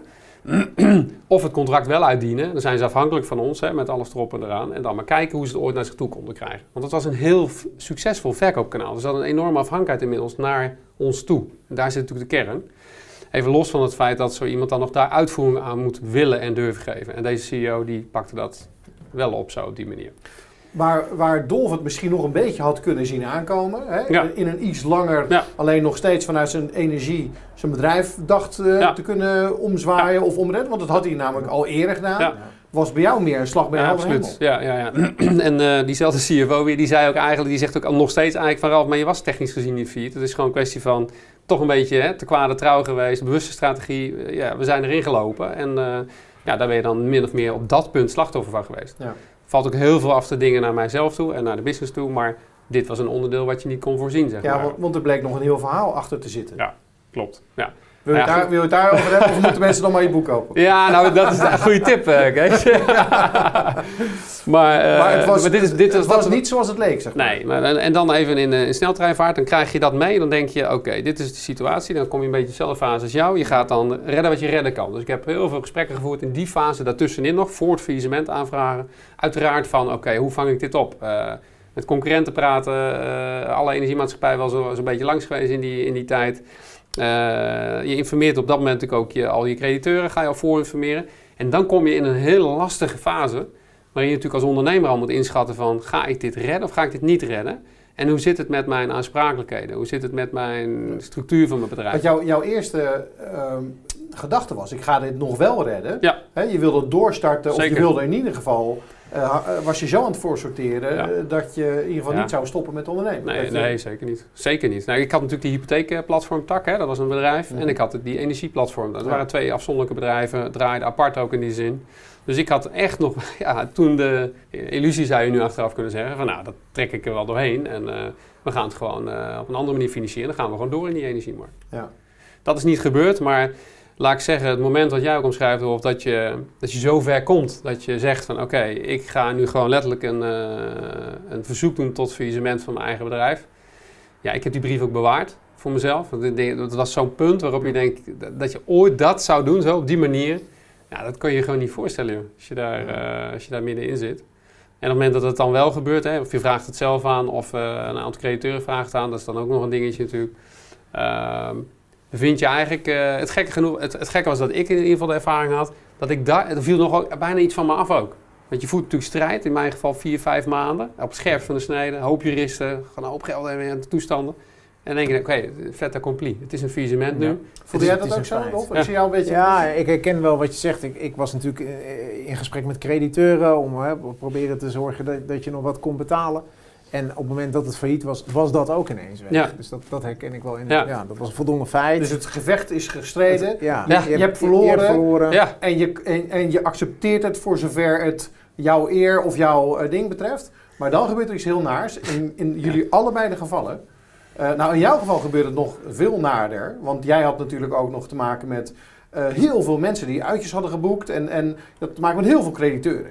Je had te maken met een beperkt aantal crediteuren. klopt. maar ja eh, jij werd uiteindelijk eh, ook bedreigd. En, Ja. en jij, werd, jij had even geen eh, leuk leven meer. Dus dat zand in de tank van je, nou niet van jouw Lambo, maar van de Lamborghini die gebruikt werd voor de Ja. bedrijfs. Dus er Ja. zat zand in. Ja. Je werd gesaboteerd, er werden dingen gestolen. Ja, ja hele nare periode. Ehm, op dat moment le- lever je het over aan de, aan de curator en die gaat daarmee aan de gang. Ehm, maar ja, privé komen mensen verhaal halen. Eh, ja, dat is echt eh, bijzonder intimiderend. En dat vond ik ook eh, best wel eng eigenlijk. Ehm, dus daar moet je inderdaad echt, echt doorheen. eh, ja. en, en, weer, en weer verder op een gegeven moment. Maar dat was, dat was pittig, ja. De eerste ontmoeting met de curator. Schrijven jullie allebei over. Hoe ging dat? Ja, ga je gang, Jos. Eh, nou ja, eh, in het begin eh, heel amicaal. Hij stelt zich voor en eh, je, je levert je, spullen aan, de documentatie. Ehm, en, en daar gaat hij mee aan de gang. Ehm, en in het begin... Jij had een hij ja, en had een zij, hè, geloof ik. Ja. Eh, en in het begin denk je ook dat hij er is om de belangen te behartigen en dat goed over. Hij rondt natuurlijk dingen af. Ehm, maar ja, op een gegeven moment, je levert zelf eh, feedback eh, wie mogelijke kopers zijn. Maar spullen worden voor eh, gevoelsmatig een appel en een ei verkocht. Ehm, en eh, ja, dat, dat is wel eh, apart om waar te nemen. want jij had een bedrijventerrein en daar had je eh, twee ton in zitten en dat werd voor eh 10.000 euro. Ja, dat werd voor tonnen werd dat. ja, er zullen allemaal beweegredenen achter hebben gezeten die mij niet zijn meegedeeld. En dat geeft ook verder niet, want dat is dan de rol. Maar dat is wel iets waar je over verbaast. En andere bedrijven werden voor, voor weinig verkocht. Materiaal, panden werden verkocht. Ja, dat, gaat- dat gaat heel erg snel. Om het snel af te wikkelen. Want dat is ook hoe een ja, curator moet acteren, lijkt het. Ja. Dus, Maar jij voelde nog wel dat het fair was, of niet? Behalve dan dat het goedkoop werd verkocht, voelde je nog wel dat je onderdeel was van een proces wat Ja. fair was. Ja, ja, het is wel dat je eh, gevoel, eh, het gevoel achter je blijft houden van ja, eh, hij zit er eigenlijk ook om zo meteen te kijken of hij wat bij jou kan gaan, gaan halen. Ehm, in die zin was ik een kale kip. Ehm, maar maar dat, dat, dat, dat zat wel continu in je achterhoofd. Dus ik, ik, eh, ik had er ook echt moeite mee om elke keer de vragen te beantwoorden die eh, die, die stelde. Eh, die beantwoordde ik uiteraard wel. En op een gegeven moment ben ik ook echt leren omdenken van nou, elke vraag die, die ik van hem krijg is zometeen de, de route naar klaar met hem en geen vragen meer. Dus zo, ehm, ja, zo moest ik echt naar hem kijken. Eh, ik kom straks nog even bij jou terug. Bij jou was het anders. Jouw eh, ontmoeting met jouw Ja. curator. Ja, kijk, ehm, je hebt er als ondernemer geen ervaring mee. Laat ik daar eens mee beginnen. Dus met, met de bril op waarin je, eh, waarin je er dan in de wedstrijd moet zitten, daar heb je, daar heb je gewoon geen kaas vergeten. Ik had het me wel eh, laten voorlichten en influisteren door een insolventieadvocaat die me er in ieder geval op voorbereid was. Dat scheelde wel wat. Maar je merkt dan wel, hè, je, je, een voorbeeld is dat je je administratie inlevert. Maar op het moment dat je administratie inlevert, moet je ook goed bedenken dat dat wat je inlevert ook de munitie geeft, hè, of de inzichten geeft die nodig zijn om eventueel wel of niet te gebruiken in het proces wat je me- met elkaar ingaat. Ik heb ervaren dat hoe beter dat op orde is, en dat voor mij was buitengewoon goed op orde, en waarvan ik achteraf wel eens denk van, had ik dat wel op die manier zo moeten aanleveren? Ehm, eh, iets als bijvoorbeeld een boedelfinanciering. Ja, ik had er nog nooit van gehoord, maar een crediteur die eh, interesse heeft eventueel in de boedel, en die was er bij mij natuurlijk, dat was die bewuste energiemaatschappij weer, Ja. die kan en mag de curator financieren om het proces te voeren tegen jou als, eh, als ondernemer. Hm. Wacht even, dat is toch een dubbel belang? Nou, weet je, en zo kan ik nog wel doorgaan. Het is, het is een wereld op zich. Eh, laten we hopen dat je als ondernemer er nooit mee te maken krijgt. Eén tip die ik wel mee wil geven. Als je denkt dat je er mee te maken krijgt, neem voortijdig echt de tijd je te laten informeren door een insolventie. Iemand die, wij spreken, de, de tak van sport van curatoren kent, die dat wereldje kent. Ja. En, en, en vooraf echt goed kijken hoe sta je ervoor. Want hoe het ook eruit ziet, hoe aardig die ook is, de curator is nooit je vriend. Het is omgekeerde bewijslast, hè? Dat zijn ook van die dingen die leer je als je erin zit. Een curator... En wat betekent dat? In, ja, in strafrecht is het je bent pas schuldig op het moment dat het bewezen is. In het eh faillissementsrecht is het andersom. Als een curator iets beweert, en die kan van alles beweren omdat hij er belang bij heeft, moet jij het tegendeel als ondernemer bewijzen dat het niet zo is. En als jij geen enkele middelen meer hebt, je hebt geen enkele tijd, en je staat in de hoek van de kamer en je krijgt de klappen, ja, hoe moet je dan in godsnaam nog bewijzen dat dat wat geroepen wordt niet waar is? Ja. Je bent zo kwetsbaar in die Ja. fase. En je bent kwetsbaar, maar twee, je bent ook geknakt. Je bent Eh, mentaal. en- Drie, Ja, je, ja. je, hebt je hebt bijna geen cash meer, dus je kan geen advocaat zelf inhuren Nee. die alles eh, Nee. voor jou regelt, want ja, je hebt dat geld niet. Nee. Eh, dus ja, je zit eigenlijk eh, letterlijk in het... eh, In de hoek waar, je, waar de klappen vallen. hoek waar de klappen vallen. En dat is zo contradictisch ten opzichte van wat je als ondernemer nastreeft. Hè? Als ondernemer streef je toch na vrijheid, onafhankelijkheid. eh, weet je wel, dat je invloed hebt op, het, op hetgeen wat je doet. Ja. En eigenlijk beland je dan in die fase als ondernemer in precies het compleet het omgekeerde. Je bent compleet afha- eh, afhankelijk. Je kunt niks meer, je mag niks meer en er wordt wel over je geregeerd. Wat, wat doet dat met je als persoon, eh Dolf?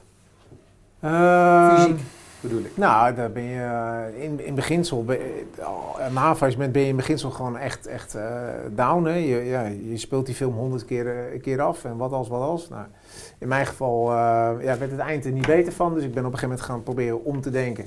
Te denken van oké, ja, ik kan dat wel honderd keer, maar ik kan ook trots terugkijken op wat ik, wat ik heb gedaan. Eh, maar al, ja, dat proces eh, om er maar continu met die curator mee bezig te zijn, ja, dat blijft negatieve energie voeden. Dus daar moet je echt, daar moet je echt doorheen. Want hoe lang heeft dat geduurd bij jou? Uh, dat heeft bij mij uiteindelijk tot februari 2016 uh, geduurd. Dus dat Uh, is dus drie jaar? Ja, tweeënhalf jaar. Tweeënhalf jaar. Daarna had ik ook nog uh, de bank waar ik ook nog, ik stond privé borg in, in, in die tijd. Dus waar ik ook nog mee een, tot een deal moest komen. Dus het waren tweeënhalf Dus dat- zware jaren. Het heeft drie jaar geduurd uiteindelijk. Maar ja. hoe, hoe zit je dan fysiek eh, erin? Reageert je lichaam dan ook? Uh, Ik weet dat het bij jou zo was, maar Uh, nou, de, ik, ik was in de december, uh, dus de maand na mijn faillissement, enorm uh, strijdbaar eigenlijk om alles op, of tenminste strijdbaar, dat, enorm gedreven om alles zo goed mogelijk over te dragen. Dus dat, de contracten, alle, alles wat er rondom personeel, alles wat afgewikkeld moet worden. En toen was het half december en toen werd het eigenlijk gewoon kerst, hè? ook voor de, voor de advocaten onderhand. Uh, en, en dan viel er echt een, een druk van je af. Uh, nou, ik heb echt heel veel geslapen in die, uh, in die tijd. Uh, maar ja, ik, ik had helaas niet de situatie dat er uh, enig potje was. Ik moest december ook mijn hypotheek betalen. Dus uh, ik, dat kon ik gelukkig destijds nog van mijn moeder lenen. Tot op dat niveau was ik afgedaald. Dus ik moest maar ook maar weer dat snel is heftig, want daarvoor, eh, zeg maar voor, het, voor de buitenwereld was je vijf weken daarvoor nog de man met een eh, bedrijf, eh, Ja. met een miljoenenbedrijf. Ja, En eh, vervolgens moet je geld lenen voor je hypotheek. Ja, ik heb dat wel altijd geprobeerd voor mezelf echt te scheiden. Dus ik, ik ben niet wat, wat ik heb. Dus ik, ik heb mijn eigen identiteit niet willen ophangen aan, aan de bedrijven die ik op, op dat moment had. Maar ja, de buitenwereld keek natuurlijk wel zo. En je was ook echt from hero to zero. En eh, nou, letterlijk, de, de, de strontkarren werden over je heen eh, gereden. Ja. Eh, ik wil het straks nog hebben over die buitenwereld, over je vrienden, familie en, en hoe dat allemaal gaat. Ik wil nog even terug naar, naar het fysieke. Wat er dan Ja. gebeurt als je dan in die, in, die- in die put zit, letterlijk. Nou, ik heb wel ervaren dat je beoordelingsvermogen en je waarneming vernauwt. Dus eh, eh, psychologen hebben het wel eens vergeleken met een rouwproces waar je ingaat. Hè? Eh, je kunt niet meer goed nadenken, Kees. Dus ik heb echt meegemaakt dat ik gewoon met een, een bundeltje advocaten voor mijn neus zat en dat ik gewoon geen woord meer kon uitbrengen. Dat ik gewoon niet meer in staat was om de situatie die aan tafel besproken werd echt goed te kunnen volgen. Terwijl wel jouw belang meer op de tafel ligt. En dat is wel eng. Dat is wel zeg maar echt, want je, want, want- je privéleven staat op het spel en alles hè. Want dat belang kan het verschil zijn tussen Ja. nog een jaar Zo. faillissement of Ja. nog drie jaar mega. faillissement. Kan een gigantisch verschil eh, impactvol hebben. Dus, dus fysiek gebeurt er echt wel wat met je. Dus ten neergeslagenheid. eh, ik durf van mijzelf wel te zeggen dat ik me wel heel erg identificeerde met ondernemerschap. Althans met de rol als ondernemer. En alle toeters en bellen die daarbij hoorden. En dat valt in één keer weg. Dus de vraag die zich dan opwerpt is van wie ben je nog wel? Wat kan je nog wel? Hoe kom je hieruit? Wat voor impact heeft dit op mijn leven privé? dus, dus ja, fysiek. eh, ik heb toen bijvoorbeeld in die periode ook mijn arbeidsongeschiktheidsverzekering aan- aangesproken. Overigens ook een tip van mijn financiële man. Zelf nooit aan gedacht. Jaren premie betaald. Nooit gebruik van gemaakt. Hij zegt, waarom doe je dat nu niet? Want daar heb je toch gewoon, gewoon recht op in deze fase. Kreeg je tenminste nog 1000 Ja. euro om, Nou ja, eh, om dat- je eten te ja. kopen. Maar zo, ga, zo, zo, zo ver is het dan. Hè? En, dat, en dat was heel dankbaar. En los van de financiën was het ook een stukje begeleiding wat eraan vast zat. Had ik ontzettend veel aan in die fase. Echt heel veel aan gehad. Dus Oké, dit is een rare tip die ik ondernemers nooit zou geven. Omdat het zo ver bij me vandaan ligt. Nee. Omdat je als ondernemer voor jezelf moet zorgen. echt. Maar dit zou wel een goede investering zijn. echt. Ik beschrijf, Zeker. ik beschrijf hem ook in mijn boek. Dus Ja? dat komt Ja? ook, bij, mij, nou ja, eh, ook ja. bij mij terug. Ja. En, dat, en, dat, en dat is gek, want ook daar zit weer die afhankelijkheidsdilemma. Als ondernemer wil je daar eigenlijk niet afhankelijk van zijn. Maar op dat moment moet je er wel even aanspreken van. Want je hebt het hartstikke nodig als persoon. Ja. Maar jij, jij was ook, eh, werd jij nou ziek? Of kreeg je wat meer... eh, Ik heb wel Je was- fysieke klachten gehad in die je eh, fase. je was moe eh, en je zat ja, ook, joh. eh, ik, heb, eh, ik weet niet hoe jij dat hebt ervaren, maar ik heb wel momenten gehad dat ik eh, hard liep op de dijk bij mij. En dat ik dacht, van, eh, dat, ik dacht dat ik sportief aan het sporten was. Maar, dat was. maar dat was helemaal niet zo. Ik was gewoon echt mijn, mijn pijn en mijn verdriet aan het wegrennen. Gewoon. En mezelf uit te putten eigenlijk. Om me niet te voelen wat er eigenlijk aan de andere kant bij me gebeurde. Ja. Ja, dus op het moment dat ik dan eh, in de berm eh, aan het uithijgen was, en, eh, besefte ik pas even, wat ben je nou eigenlijk aan het doen, man? Nou, je bent gewoon die pijn aan het verdrijven en Ja. verdriet aan het eh, verwerken gewoon. En, en kreeg je vanuit jouw omgeving, kreeg je eh, steun? Eh, of was het meer zo van, ja, zie je wel, we wisten het wel eh, hè, dat, het, eh, dat er iets niet goed zat. Dus wat, hoe, hoe was die energie? Hoe was ging dat bij jou dan? Nou, dat eh, was dubbel. Dus er was een, een groep, eh, vanuit de kerk was dat destijds ook, waar ik echt veel steun aan had. eh, wat me ook heel erg goed deed. Eh, maar er waren ook een heleboel stuurlui eh, aan de wal die allemaal precies wisten hoe het allemaal eh, zover had kunnen komen. Ehm, dus ja, dat was echt een, een gedeelte die, wat je echt steunde en een gedeelte wat je, ja, wat je af stond te fikken. En dat merkte je ook als je ergens op een verjaardag kwam.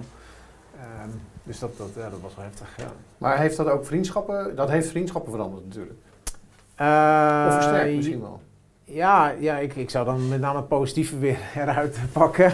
Optimist, Eh, ja, dat heeft met name versterkt. En, en wat me heel erg goed heeft gedaan, dat zou ook een tip zijn voor ondernemers die in die fase zitten, is dat ik vrij snel eh, mijn zinnen en mijn zingeving op iets anders kon zetten. Ik, ik kon aan de gang bij twee relaties die me, die me aanboden om, om wat te gaan doen. En dat, die afleiding, die zorgde ervoor dat ik mijn energie daarop kon, eh, kwijt kon. Ja. En dan had ik minder dagelijks, de, of tenminste continu, de, de focus op, op de afwikkeling. Ja. Ja. Eh, dus dat, Contact dat met, hielp eh, echt. eh, curator en, ja, en ja, alles. ja, dus dat hielp echt enorm. Dat ik die kans eigenlijk vanuit de relaties geboden kreeg. Oké. En, en hoe zat het met jou? Ja, nou, in, in de mensen die dicht bij me stonden, zeg maar, eh, die bleven ook staan in die fase. Dus dat is heel mooi om te ervaren. Hè. Eh, ik heb het voorbeeld van een, eh, een oud-compagnon uit mijn IT-bedrijf, maar ook een goede vriend van mij, die gewoon aanbelde op een vrijdagmiddag en dat ik opende. En ik zei, hadden wij een afspraak met elkaar? Hij zei, nee, maar kom je gewoon even werken. Dat was Rogier. Nee, dat was Andor, Ander Oh, ja, ja, ja, ja, ja. Maar en, Rogier trouwens ook zo'n voorbeeld. Een werknemer die ik al sinds 94 betrokken bij me had. eh, en, die, en die bij mij letterlijk het licht heeft uitgedaan in het kantoor toen we de zaak moesten verlaten. Dus, dus dat, dat soort mensen, hè, mensen deugen, Ja. daar geloof ik ook echt in. En je ziet dat dat ook gewoon werkt. Dus de ene steuntje, laten we zeggen, door er gewoon te zijn en, en te blijven, zeg ik maar zeggen. En, en anderen doen het op een hele pragmatische manier. Kijk, je doet in die fase wel eh, heel veel beroep op mensen, hè? of je dan wil of niet. Bijvoorbeeld die jurist die mij dan bij stond, die insolventie had, ja, die kan je dan niet betalen, hè? Maar hij moet wel even blijven staan, hè? want er is nog wel een belangetje. En dan moet, kijk je hem in de ogen. Die heeft net het verkeerde beroep gekozen. Die Ja. is- die Ja, maar, is- maar- maar- en, en zo zijn er nog tal van voorbeelden. Waar je, Ja. waar je, waar je, en mensen hebben mij ook wel verweten achteraf. Van Ralf, waarom heb je de hulpvraag niet, niet gesteld aan mij? Dus Ja. bijvoorbeeld Ralf van Hessen zei dat laatst nog tegen me. Van, ik begrijp niet dat je me niet gebeld hebt in die periode. Waarom nou niet? We doen al jaren zaken met elkaar. Oké, dit is even dan de Ja. tip 3 die eruit komt. Op het moment dat je daarin zit, Ja. dan staan met name ook andere ondernemers heel erg voor jou Zeker. open om je te helpen. Zeker. Alleen doordat je zo in een kwetsbare positie zit, wat jij net beschreef, eh, is dat niet iets wat je misschien wel durft. Ja, Nee. nee. Die hulpvraag durf je minder te stellen. En ehm, ja, je, je bent ook op je eigen gericht. Dus je ziet het soms ook gewoon niet dat mensen zich... eh, nee. Maar laten we dat stigma dan in Nederland ook proberen Ja. eh, te veranderen. En je, Ja. weet dat je daarmee bezig bent, ook met, je, met een van jouw initiatieven gaan we het op het laatst nog even over hebben. Mhm. Ehm, maar dat je inderdaad eh, hulp probeert te vragen. Ehm, je hoeft het niet lang ehm, eh, uit te leggen, maar ehm, jullie gezinnen hebben daar natuurlijk ook enorm last van gehad. Dus, dus je, hebt, je Ja. trekt een enorme wissel. Als ondernemer ben je sowieso al natuurlijk. Trek je meer zeg maar, aandacht en, en, en energie en dan ook nog eens een keer gaat het mis. Ja. Eh, dat, dat, is, dat moet zwaar geweest zijn. Ja, dat was het, eh, dat was het zeker. Ehm, ja, ik wist eigenlijk zelf niet wat er helemaal zou gaan gebeuren. Ik was vooral bang. Eh, bang voor wat er gaat komen, omdat je het niet weet. En ehm, ja, dat, dat, dat kan van alles. Ik, ik heb inderdaad de eerste fase mijn gezin eh, niet thuis gehad. Eh, vrienden en eh zwager die... die Omdat er ook werd aangebeld natuurlijk. al, Ja, allerlei soorten ja vragen. en, en dat is een paar keer gebeurd door verschillende mensen. De een had een cadeaubon die hij inderdaad niet meer kon rijden. De ander had een vordering. En, en ja, dat was eng. Ehm, en en dat, dat is ook wel echt iets wat ik daarvoor denk ik anders had, had gedacht. Maar ja, zo mensen opzoeken, dat is, dat, dat, dat is echt een, een Ja. Dus ja, dat zijn wel echt grenzen. Zeg maar. Ja. Ja. Ja. Ehm, ik, ik, ik zou toch nog iets meer technisch eh, de kijkers willen leren over hoe dat proces nou precies plaatsvindt. Want we hebben nu een aantal eh, namen gehad. We hebben de curator gehad. Ja. Die, is, die wordt aangesteld door de president-commissaris. En die gaat vervolgens kijken eh, hoeveel geld er in de boedel zit. Ja. Vervolgens word je wel of niet bijgestaan door een insolventieadvocaat, door een jurist die jij aanstelt. Maar dan is het mij onduidelijk wat er dan gebeurt. Zijn er dan vijf afspraken, wordt er buiten verdeeld? Of zijn er dan tien afspraken? Hoe lang duurt dat? Wie is er in charge van het proces?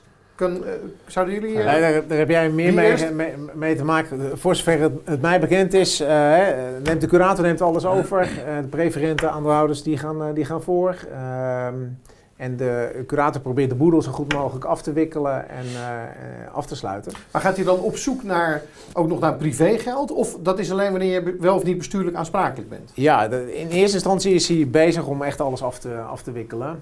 Eh, en daarna gaat eigenlijk de, eh, de, de focus op paulinieus handelen. Dus eh, of je handelt... Pa- Paula Nieus? Paulinieus, zeg Ja. ik het goed? Of, Ja, nee, die zegt goed. Ik weet toevallig wat het is. Oh, ja, gelukkig. Ik heb een beetje bedrijfskunde gestudeerd, toen Ja. kregen we dat ook. Ehm, dus dat hij eh, kijkt of je handelde met voorkennis. Eh, hij kijkt of je ergens fout hebt gemaakt. Dus, Dat, dat ook nog even tip 4. Op het moment dat je weet dat je failliet gaat, ja. je kan niks meer doen, Nee. omdat alles wordt teruggehandeld door iedere eh, overschrijving die je maakt. Alles wat je pint, wordt gekeken, oké, is dat gedaan met de gedachte dat hij Ja. straks wel of niet failliet zou gaan? Ja. Dus dat is een... eh, Ja, ja. Dus da- daar kijkt hij naar. ehm, eh, hij kijkt of je jaarcijfers op tijd gedeponeerd zijn. eh, want anders had daar wellicht nog een Tip een vijf. punt, eh, Superbelangrijk. gezeten. Zorg dat je jaarcijfers op zit, want Ja. dan ben je, anders ben je ook bestuurlijk aansprakelijk. Ja, ja. Eh, ja, en zo kijkt hij eigenlijk, eh, eh, als alles afgewikkeld is, eh, waar er nog wat te halen valt. En naar mijn idee wordt zo'n eh, advocaat amper ge- gecontroleerd door een, eh, eh, een of andere instantie. Maar dat schijnt wel te horen. Ja, Formeel door de rechtercommissaris. Ja. Eh, nou ja, goed. Ja, dat, is ook druk. Ja. Ja, die, precies. Er liggen meerdere dossiers. Maar het zijn ook, ook dossiers die door dezelfde curatoren in dezelfde gebieden behandeld worden. Curatoren kennen elkaar allemaal. Nou ja, daar kun je best wel... eh hè, Follow Money die is er ook onderzoek naar aan het doen. Als journalistiek gezien. Om te kijken hoe dat een beetje functioneert in Nederland. Ehm, maar het, het, eh, curator is in charge. Hè. Die, die bepaalt. Die slaat de trom, zeg maar. En die, die gaat gewoon op zoek naar gelden, zou je kunnen zeggen. Links of rechts. Het is ook belangrijk om te weten dat de curator natuurlijk ook uit de boedel betaald wordt. Dus dat het feit dat er opbrengsten moeten komen, dat er een belang is ook voor de curator om zoveel mogelijk opbrengst op te halen, die is er ook. Sommigen Ja. beseffen dat ook niet, merk ik, eh, ondernemers. En dan is het instrument van bestuurlijke aansprakelijkheid wordt op de opleiding natuurlijk vaak eh, geassocieerd van, nou, dan moet je het wel heel erg bond hebben gemaakt, hoor, wil dat gebeuren. Nou, ik kan je even klappen en daar kun je gewoon eh, onderzoek naar doen. Dat is wel degelijk een instrument wat vrij vlot van stapel gehaald wordt, om juist druk uit te oefenen natuurlijk op de ondernemer, om eh, te kapseizen. Om- En, en in jouw geval gebeurde dat. Ja. Eh, omdat er een misverstand was over dat databasebestand. ja, En dat beschrijf je in je boek. Ja. Hè? De, de, de bank uh, accountmanager die, eh, die, eh, die, eh, die, die verpraat zich. Of Ja. die- klopt. en vervolgens eh, denkt de curator dat jij de boel stiekem Ja. aan het eh, wegsluizen bent of zoiets. En toen werd jij genadeloos aangepakt. Ja, toen was het een eh, bombardement van beslagen. En, eh, Niet meer kunnen pinnen, nee, niet meer nee, dat. eh, niks. Alles. privé, zakelijk, personal holding, werkmaatschappij. Alles. Alles, alles, alles. Ook dingen die eigenlijk niet mochten.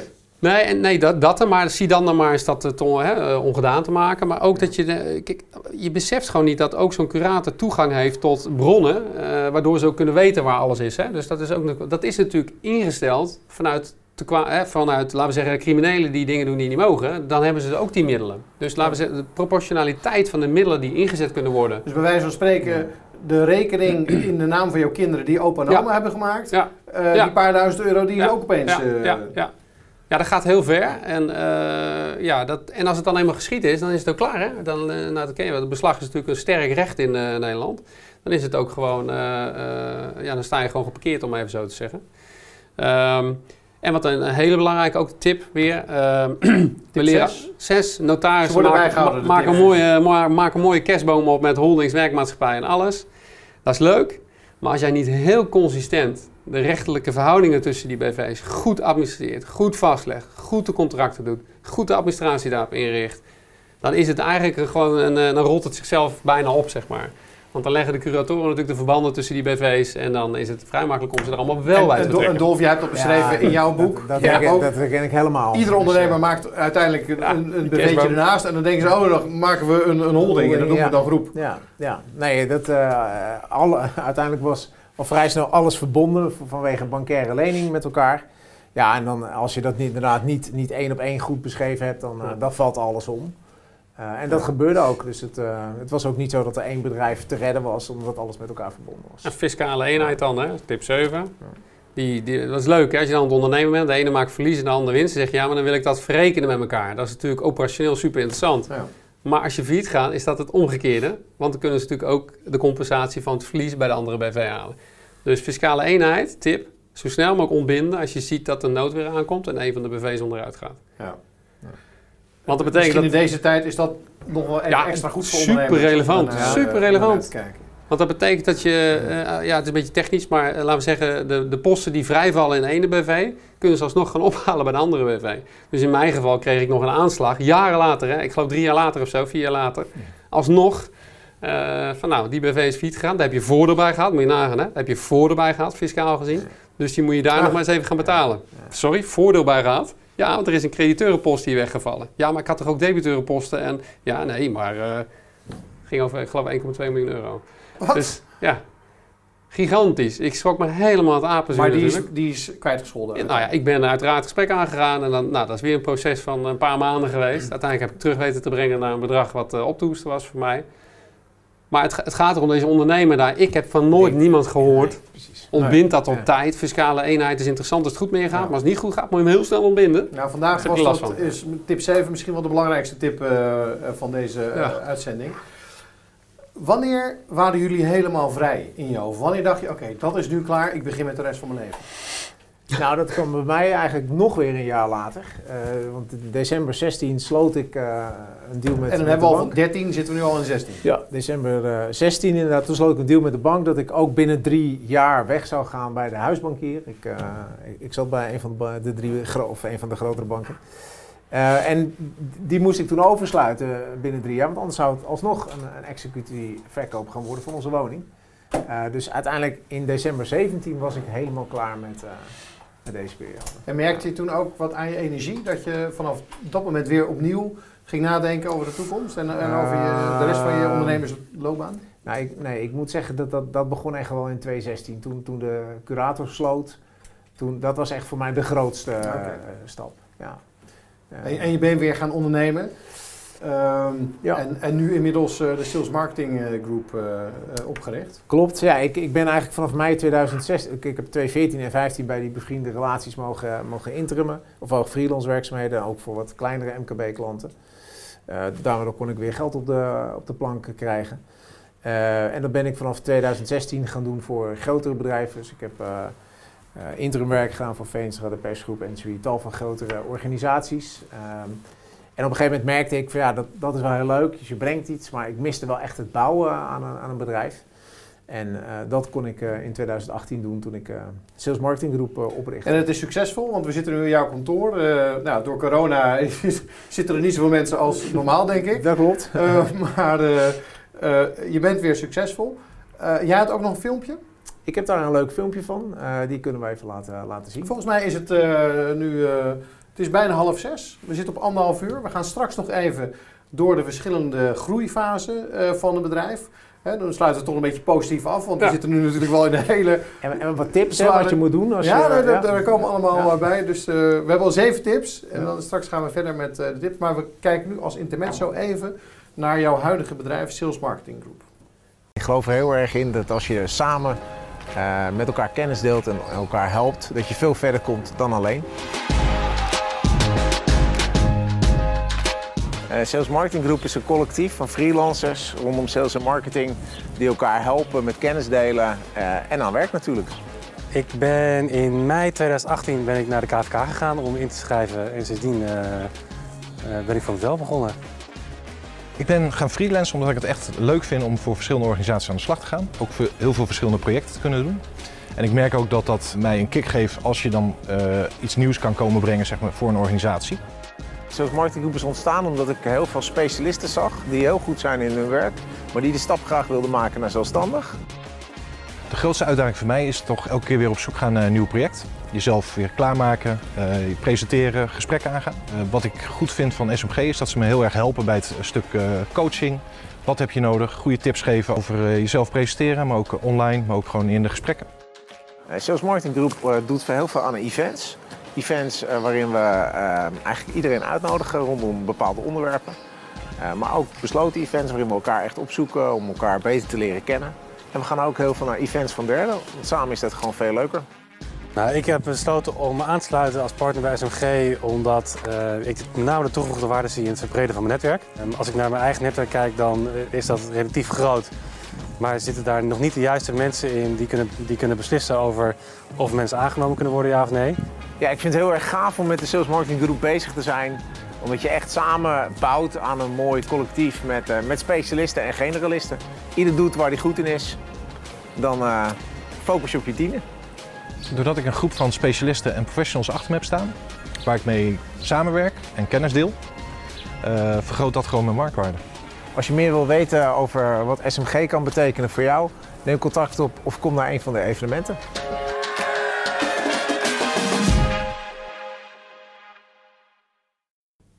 En we zijn weer terug bij de boekpresentatie. We zouden het bijna vergeten, want we zitten zo goed in de, uh, in de, in de verhalen van Hero to Zero, natuurlijk van uh, Dolf Kos. Uh, fantastisch boek. Als je het nog niet hebt besteld, dan kan je dat direct doen. Waarschijnlijk staat er een link ergens onderin dit YouTube-filmpje of op het beeld. Um, het is een aanrader. We, gaan, we hebben het net gehad over de Zero, over het faillissement en over hoe diep dat was. We hebben Inmiddels uh, zeven tips uh, hebben we uh, uit dit gesprek weten te destilleren. Um, ik zou graag met jullie nu nog naar het laatste deel van, ehm, van deze sessie de verschillende groeifases nog bespreken waar je als ondernemer doorheen gaat. Jullie zijn er allebei doorheen gegaan.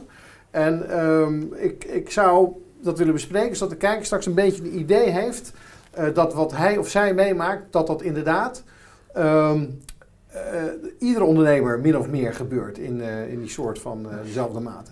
Jij had ze in het begin opgenoemd. Ja, dat het niet uniek is inderdaad. de pioniersfase waarmee je begint. 1 tot 8. En, en jij schrijft in je boek? Dat is de mooiste. Dat is de mooiste ja, fase. Ja, dat is natuurlijk een mening. maar ja, je, je, overziet alles nog. iedereen staat voor elkaar in, kan elkaar prima begeleiden.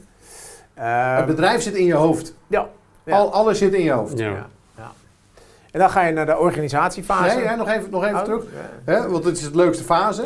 Zeker. Maar eigenlijk is het een fase waarin jij heel veel dingen eigenlijk aan het uitvinden bent als ja. ondernemer. Ja, je test heel veel dingen dan. En, en sommige dingen werken niet en sommige dingen werken wel. En uh, jij kwam erachter dat events uh, voor uh, verkeersveiligheid uiteindelijk niet werkten, omdat het weinig opbracht. Maar uitjes organiseren voor bedrijven, hè, je maakte veel iteraties ja, zeker. Op, dat, op dat gebied. Ja, en, en soms laat je ook leiden door wat een klant vraagt. Zo in mijn geval vroeg een klant, kun je Ferrari rijden aanbieden? Nou ja, dan stappen we daarop. Dus je ziet overal kansen en je test het. Dat is de grap hè, in die fase, dat je bijna op alles wat de klant vraagt, dat je op bijna ja. alles ja, zegt. Ja. En dat, en dat moet ook in En dan fixen hè? Ja. Dus aannemen, oplossen. Aannemen, oplossen. Aannemen, oplossen. Maar ergens komt er een punt dat je dat niet meer kan doen, nee. omdat nee. iedere keer dat je iets aanneemt en oplost, dan zit er geen leereffect in. Nee. En uiteindelijk maak je daar niet de marge mee die je zou kunnen maken als je niet inderdaad keuzes gaat uh, Het is gaat maatwerk. Ja.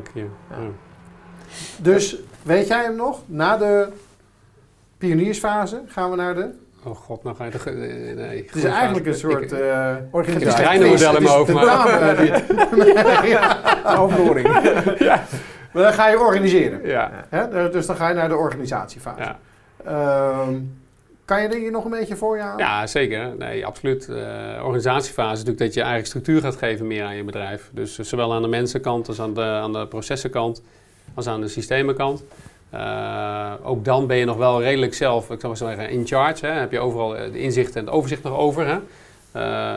ik denk ook dat de ondernemer in die rol nog wel echt een belangrijke rol vervult om de puntjes op de i te zetten daar waar het echt nodig is. Zeker. Uh, maar je moet natuurlijk wel voor het eerst de echte serieuze keuzes gaan maken. Dus uh, ga ik met de mensen door waar ik mee begonnen ben? Uh, wat, voor, wat voor systemen en procedures heb ik nou eigenlijk nodig? Die moet je gaan bedenken. Dus, dus het doet wel een beroep op een heel ander eh, andere skills. Je, je Ja. noemde het net al, de keuze voor de mensen is belangrijk. Ja, de langzittende mensen zijn meestal degene die ook eh, je leidinggevende worden. Maar je gaat daarna ook ervaren, ja, zijn ze eigenlijk wel geschikt en bekwaam om dat ook echt te doen. Ja. Dus, eh, en dat is ook weer de stap eh, daarna dat je dat eh, op een andere manier gaat, eh, Ik gaat heb- inregelen. Ik heb ook al veel mensen verloren in die fase. hè. Dus laten we zeggen, de starters die samen met jouw bedrijf opstarten en nou, op een bepaald niveau en dan moet je door. Ik heb altijd een spanningsveld ervaren in die fase. Wat, wat je bijvoorbeeld meemaakt, is dat men toch een soort van voorkeursrecht denkt te hebben verworven zeg maar, in die fase. Terwijl ja, is dat nou eigenlijk wel zo, zeg maar. Hè? Dus mensen hebben natuurlijk heel veel gelaten en meegeïnvesteerd met jou. Eh, ja, dus dat is, dat is eh, ja, op persoonlijk vlak een lastige, lastige fase. Maar is het dan niet zo dat je inderdaad misschien te veel nog eh PAI-tijd voelt naar die mensen? Eigenlijk Ja. dat je stiekem allebei wel weet Ja. dat het rondje niet meer in het vierkantje past, maar dat je hem toch laat zitten en die persoon weet het Ja. stiekem ook. Uit loyaliteit. Ja. En is het dan niet zo dat je misschien wel loyaler bent om het te adresseren en gewoon uiteindelijk iemand te helpen aan een, aan een volgende uitdaging? Vraag, ik- vraag stellen is een Ja, beantwoording, Kees. Ja, ja, ik wist het antwoord Jij zegt- Je geeft hem voor. Ja, Ik ja wilde dat is misschien eh, nog even tip, eh, Ja. tip, tip 8. Ik Ja, weet niet of we maar deze dat is wel, kunnen... het, is, ja. het, is, het is makkelijk gezegd, maar dat betekent dus dat je, laten we zeggen, als ondernemer je, je ratio en je emotionele band met je mensen, die twee moet je dus in balans zien te krijgen. Dat je dus voor het bedrijf een beter besluit maakt om Ja. het netjes af te wikkelen en door te gaan. Ja. maar dat het eigenlijk ook voor de relatie eigenlijk wel de beste keuze is. Ja. Dat is wel even een ding. Al ziet de relatie dat niet altijd zo. Dat is natuurlijk wel nee. het lastige. Nee. Ja, Ja, maar dat, is ook iets van uitleggen. Ja. Ik vond dat jij iets leuks zei ook over eh, die fase, de, van de pioniersfase naar die organisatiefase. Je zei in het begin eh, gaat het alleen maar om sales, sales, sales. Ja. Maar eh, dat maakt Ja. niet, eigenlijk niet uit. Maar daarna ga je, kom je erachter, ja, maar het gaat eigenlijk ook om de marge die je draait. Ja. Dus niet eens over de netto winst die overblijft, maar de eh, marge die je maakt op de projecten die je doet. Hè? Ja. De, de, de, de bruto marge. Ja, uit, achteraf gezien, eh, ook een van de tips, moet je dat supergoed in, eh, in, in kaart gaan, eh, gaan, gaan hebben. Eh, en, en had ik dat eh, te weinig, eh, was het meer één grote eh, totaal waar je naar keek. Ehm, en, en dat zou wel echt belangrijk zijn om dat eh, ja, scherp te krijgen op alle producten. En sales, sales, sales, dat eh, herkende ik volledig. Daar eh, hadden ze zelfs tegeltjes van eh, met mij als, als bordhouder van sales, sales, sales. Dus dat, Ja. het kwam letterlijk naar terug. Ja. En ik dacht dat ik daarin uniek was, tot ik het eigenlijk las. En eh, Ja. ja, dit hoort bij die fase. Maar zou je dus ook niet inderdaad, en we hadden het er al eerder over, maar een soort tegenwicht moeten organiseren? Hè, je hebt een, je hebt een, eh, ehm, een alfa en een beta. Eh, Ja. je hebt een Ja. yin, je hebt een yang. Je hebt een sales en iemand zegt, ja ho, wacht eens even, eh, kosten en eh, structuur. Ja, je- Zo'n adviesraad of, Oh ja. of, of, of in je MT Ja. moet je dat eigenlijk proberen te, te borgen. Ik heb het dus, nooit eh, anders kunnen doen hoor. Ik heb altijd in een, nou, in, bij mijn IT-bedrijf had ik de klassieke driehoek. Hè? Dus laten we zeggen CEO, operationeel iemand en technisch iemand dan natuurlijk, CTO. Maar eh, met name die operationeel verantwoordelijke, eh, die, die, dat was een tegenhanger van mij, zou je bijna kunnen zeggen. Hè? Dus ik was Ja. veel buiten en eh, klanten. En, en aan de andere kant keek, bewaakte hij de processen, de structuur en, en de kostenkant van het Ja. bedrijf. Ja, hartstikke hard nodig, want eh, ik ging veel te hard. En, eh, Nog meer ehm, bijzonderheden van die organisatiefase? Laten we zeggen van 8 tot 15 is dat ongeveer? Ehm Of zit ik van 8 tot 25? Vergis ik 8 me? tot 25. 8 tot 25. ja, Ja, ja. Kijk uit, hè, je moet het model wel kennen. Eh, nou, dat zijn wel de dingen die ik zou typeren inderdaad. De- de- met name dat sales eh, wat er naar voren komt. En je bent alles aan het toetsen, elke productenmarkt die je kan bedienen en wat, wat werkt. Ja, en, da- en dan groei je eigenlijk nog één stapje eh, verder naar de managementfase. waarin je ook gaat werken met een MT, met, met, met, met, eigenlijk nog meer andere rollen. Hoe beviel dat voor jou? Eh, nou, dat voelde ook wel een beetje als verantwoording afleggen af en toe. eh, terwijl je toch zelf de koers eh, aan het bepalen was. Maar vroegen ze dan de hele tijd waarom? Van waarom wil je dat? Of Nee, je, je, besprak met elkaar de, de, de koers uiteraard, maar je merkte wel van ja, dan, daar moet, je je moet het MT wel meekrijgen. Dus, je, dus je, ja, er- ontstond een soort tegengewicht, wat goed is, wat je net ook keurig, maar wat van nature ben je volle bak aan het gaan. Dus dat, dat was een andere fase in je ondernemerschap. Ja. En ehm, het, het slechte nieuws is voor de mensen die kijken, want we spreken in het Nederlands, dat is met name in Nederland zo. In Nederland is het niet zo dat als jij gewoon zegt, jongens, we gaan met z'n allen links, dat iedereen links gaat. Hè, er moet eerst over gepraat Ja. worden. Of misschien, Ja, dat eh. Wonderen, of misschien eh, drie keer rechts ook niet beter is. En, Ja. Maar als je dan mensen mee hebt, dan kan het snel gaan. De grap is, als je dus Ja. in Frankrijk of, of in Amerika, dan is links gewoon links. wel directiever, hè? Want de Ja. baas die, eh, die, Ja. die zegt het. Dus, Ja. dus dat, dat heb, heb jij ook moeten Ja. doorstaan. En Ja. ik, ik, ik lees af aan je gezicht dat je dat geen makkelijke fase vond. Nee, dat, eh, dat, dat klopt. Dat, dat is ook een lastige fase. eh, waarin ook een heleboel andere dingen naar voren. waar je eigenlijk zelf als ondernemer minder mee bezig bent. Eh, dus je, je, je gaat je bedrijf echt op een andere manier eh, organiseren. En dat, eh, dat vergt een ander type eh, nou, leiderschap ook. Mhm. Eh, dus ja. En ehm, had je het gevoel dat je doordat je management ging aanstellen, dat dingen wel sneller eh, gingen? Want je kon dingen meer loslaten. Hè? Want de een ging over die vestiging, de Ja. ander ging over Ja. dat product Ja. en de ene ging over de online marketing. Ging je sneller?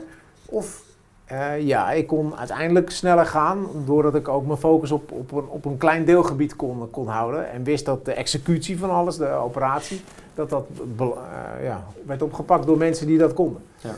Eh, dus, dus daarin had je dat eh, eh, geborgd. Ehm, ja, dus dat was eigenlijk het, het verschil. Ja. En dan komt daarna ehm, de moeilijkste fase voor ondernemers. Ik zie jou al moeilijk kijken, maar dat is dus De delegeerfase. de delegeerfase. Ja. En dat is wanneer je inderdaad als ondernemer doe je dan nog een stapje terug en dan geef je inderdaad de mensen veel meer ruimte om het te doen. Ervan uitgaande dat je mensen hebt aangenomen die dat zelfstandig beter kunnen dan jij. Ja. Dat op hun gebied. Ja, dat, pa- dat past wel helemaal in mijn focus op je tien eh, gedachten. Eh, als jij daar als, als jij het ondernemer... Ja, als jouw focus op de tien, mensen eh, snappen dat niet, maar dat begint heel duidelijk in je boek inderdaad. Eh, jij hebt een focus op tienen. Ja, Dat, dat, dat moet je nog even uitleggen. Eh, met focus op je tienen bedoel ik dat je heel erg richt op je talent. En dat waar je goed in bent, eh, dat doe je. En eigenlijk alle dingen waar je minder goed in bent, daar zorg je dat je mensen voor aanneemt of aanstelt die daar eh, nou, beter zijn in dan jij, of die daar zelfs heel erg goed in zijn. En als je dan iedereen zo benut in een organisatie waarin iedereen op zijn of haar talent werkt, dan krijg je een enorm krachtig vliegwiel. En dan, ja, dan is iedereen vanuit zijn kracht bezig. Wat, wat, wat mooi samengevat eigenlijk. Want het is, het, het- nou ja, want het is, Ja, zeker. het, want het is zo, inderdaad, het kost veel meer kracht om van een zesje af te maken, Ja. dan dat je mensen precies... eh, Ja. Wat was jouw belangrijkste kracht? Eh, nou, ik, zag, ik zag veel kansen en eh, sales en marketing, dat, dat zit er van nature in. Eh, dus, dus had eigenlijk al al net die, gezegd die dat aspecten. hoe- naarmate je groter werd, dat je niet meer alle kansen kan pakken. Eh, nee, Eh, dus mijn kracht was om eigenlijk, dat, nou ja, ik startte in die, in die tijd een, eh, een nieuw bedrijf in, in, in de cadeaubonnen en in die collective buying eh, gedachte. Ja. Eh, dus, dus die kansen, die, die, die pakte ik wel. Eh, en daar zet ik dan weer een, een klein team op. Maar dat waren eigenlijk bedrijfjes die je naast jouw Ja, bedrijf Ja. zetten. ja, En dat, ja. dat zie je vaak ja gebeuren. dat, eh, dat gebeurt. Eh, komen we weer met de kerstboom waar we het net over hadden. Ja. Mhm. Ja. Is ook de verleiding hè, van de ondernemer natuurlijk. is het, hè? Ja. Zeker als een treintje helemaal rijdt, hè, dan zit daar minder uitdaging in. Dan ben je geneigd het tweede spoor er neer te zetten en een nieuw treintje erop te zetten. Eh, dat herken ik althans. Dus, eh, zo, zo hadden wij bijvoorbeeld in, het, in die IT-periode ook allemaal participaties daarnaast met allerlei techbedrijfjes waar we dan in investeerden. En nou, weet je zo. On- onbewust ga je dan toch een beetje natuurlijk eh, van, je, van je focus een beetje af. Maar in die fase die we nu even beschrijven, wat mijn les daarin is geweest, is dat ik, ik kon wel heel erg goed delegeren. Eh, en afstand nemen. Maar ik heb wel gemerkt dat toen ik dat deed, eh, dat het ook zaak is om voldoende feeling te houden met dat wat er speelt, laten we zeggen, operationeel gezien. Of eh, in, in, in met de cultuur van je bedrijf. Nou, een aantal dingen gewoon heel goed blijven bewaken. Ondanks dat je gaat de- meer op afstand gaat delegeren. Dus, die- dus voor mij was het een fase waarin ik een stap echt wel naar achteren deed. En waarin ik dacht van oké, ik zet de verantwoordelijkheid neer bij een aantal personen. die die competenties hebben. Ik geef Ja. ze veel vertrouwen en veel ruimte om gewoon hun ding te doen. Maar ik heb ook geleerd dat ik daar misschien dus iets te ver afstand van heb genomen. Waardoor ik toch een paar subtiele signalen heb gemist die wel ontzettend van belang zijn geweest. ik hoor het meer van ondernemers. Ja. Dat ze, als ze dan loslaten, laten ze te veel Ja. los. Omdat ze dan denken, oké, dat hoef ik niet meer. Hoe zou je dat dan oplossen? Wat zou dan het advies zijn aan die... Een goede. KPI's, goede dashboards. Hè, dus belangrijk benoemen wat, eh, waar je op geïnformeerd wil worden. En zorgen dat je dat eh, periodiek opgelepeld krijgt. Eh, of dat je daar in ieder geval real-time inzage in kunt, kunt hebben. En Ja. misschien af en toe eh, zou- praat je nog met, eh, met de koffiejuffrouw Ja. om even thermometer eh, in je organisatie te houden. Ja. Ook, zeker. Ja. Heel belangrijk. Maar dan fundamenteel. Jij noemde al eh, het woord focus. Eh, jij noemde al dat je eigenlijk initiatieven ernaast wil doen. Als je wil groeien als ondernemer in die fase, in die eh, delegeerfase, ehm, moet je je dan focussen op wat je doet en dat dan veel meer doen? Of moet je dan, wat jij deed, je energie verspreiden over meer dingen? En ik weet niet het juiste antwoord. Er is geen, misschien ook geen juiste antwoord. Nee, maar ja, de- ik, ik, zou denk, ik zou denken dat er geen, eh, geen juist antwoord is. Eh, dat verschilt per persoon. Ehm, als je talent is om van niets iets te maken, hè, dat wat ondernemers vaak kunnen, die zien kansen en die, die maken er een business van. Eh, ja, dan moet je daarmee bezig zijn. En, en als je afstand houdt, ja, dan, dan, dan ben je meer op een klein deelgebied nog aan de gang. En Oké, dat maar, maar eigenlijk tijd. moet je dus meer eerst gaan kijken naar je eigen competenties. Zeker. Waar ben ik goed in? En, wat kan ik? Ja. En dat zou je misschien ook weer met een, eh, met een mentor eh, kunnen bespreken. Daar Ja. hebben we een klein filmpje over. nee. Dat hebben we al gezien. Ehm, dus op basis van die competenties moet je besluiten, ga ik ernaast Ja. bouwen? Zelfkennis. Ja. Of ga ik mijn focus toepassen en ga ik dat dan eh, Ja. bouwen? Ja. Ben, je, ben je een ondernemer die dat ene bedrijf eh, verder kan brengen? Of ben jij de ondernemer die gewoon een bedrijf start, uitbouwt tot een bepaald niveau? En dan Eh, nou, bij mij is het antwoord dus het laatste. Ja. En daarna moet ik vooral van de bok afspringen en het eh, verder aan anderen overlaten. Dat heb ik bij- van mezelf in ieder geval heel duidelijk ervaren, dat punt. Dat is bij Ja. mij ook. Dus naarmate een bedrijf groter wordt, eh, ja, dan, dan misschien je haalt het dan een beetje aan, verveelt het wellicht al een beetje. En dan moet je juist iemand erop zetten die heel erg goed is in die executie, in die operatie. En die dat op een hoger niveau kan en daar ook zijn team of haar team heeft. Dus dat is ook goed. Het vraagt ook echt, het vraagt ook echt hele andere skills natuurlijk. eh.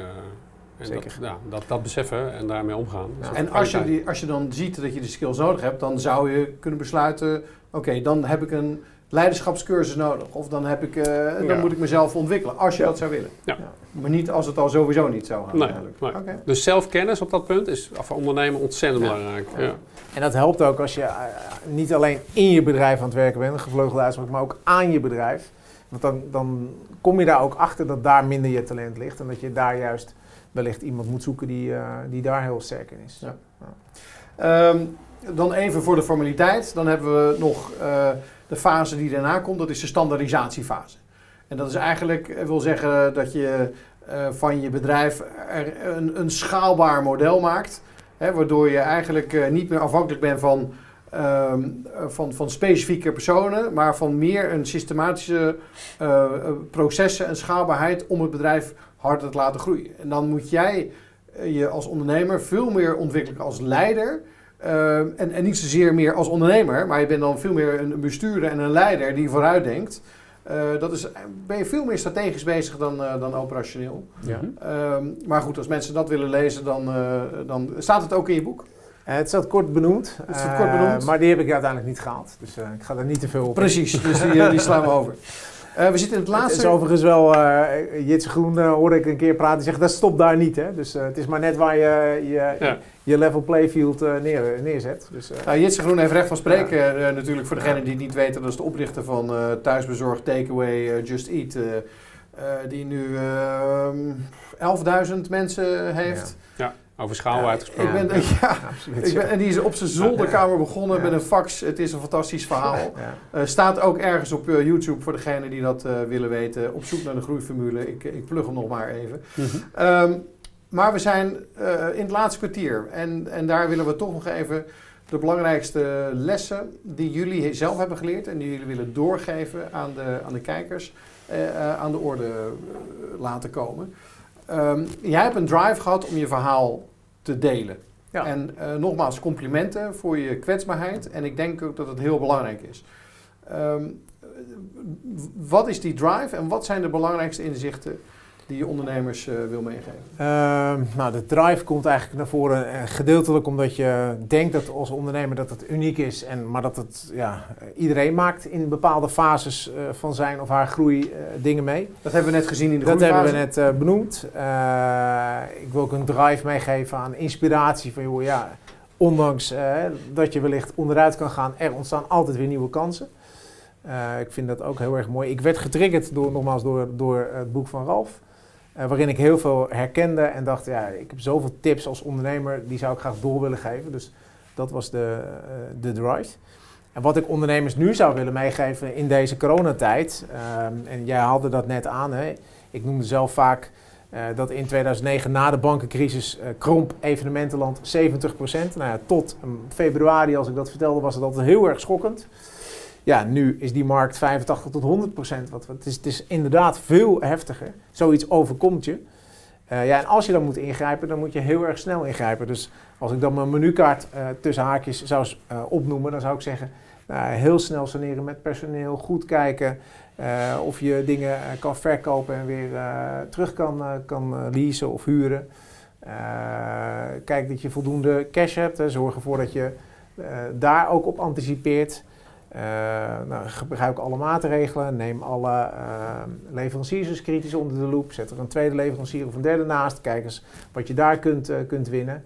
Ja, en zo zou ik een heel nou, aantal tips willen meegeven. Nou, je geeft er een behoorlijk aantal mee, maar belangrijk is, inderdaad, laat je niet in slaap, dus anticipeer. Ja, en, ja. en, dat is en, misschien nog wel, en, en, voorbij, ja. Nou ja, ja. wees er al op voorbereid. Zorg inderdaad dat je verschillende cashpotjes hebt en misschien ook wel de, de, de eerste zeven tips Waar het gaat om, uh, kijk eens naar de fiscale structuur van je, ja. uh, van je verschillende werkmaatschappijen als je die hebt. Kijk eens inderdaad hoe het zit met je persoonlijke aansprakelijkheid. Heb je inderdaad de jaarcijfers wel uh, al gedeponeerd?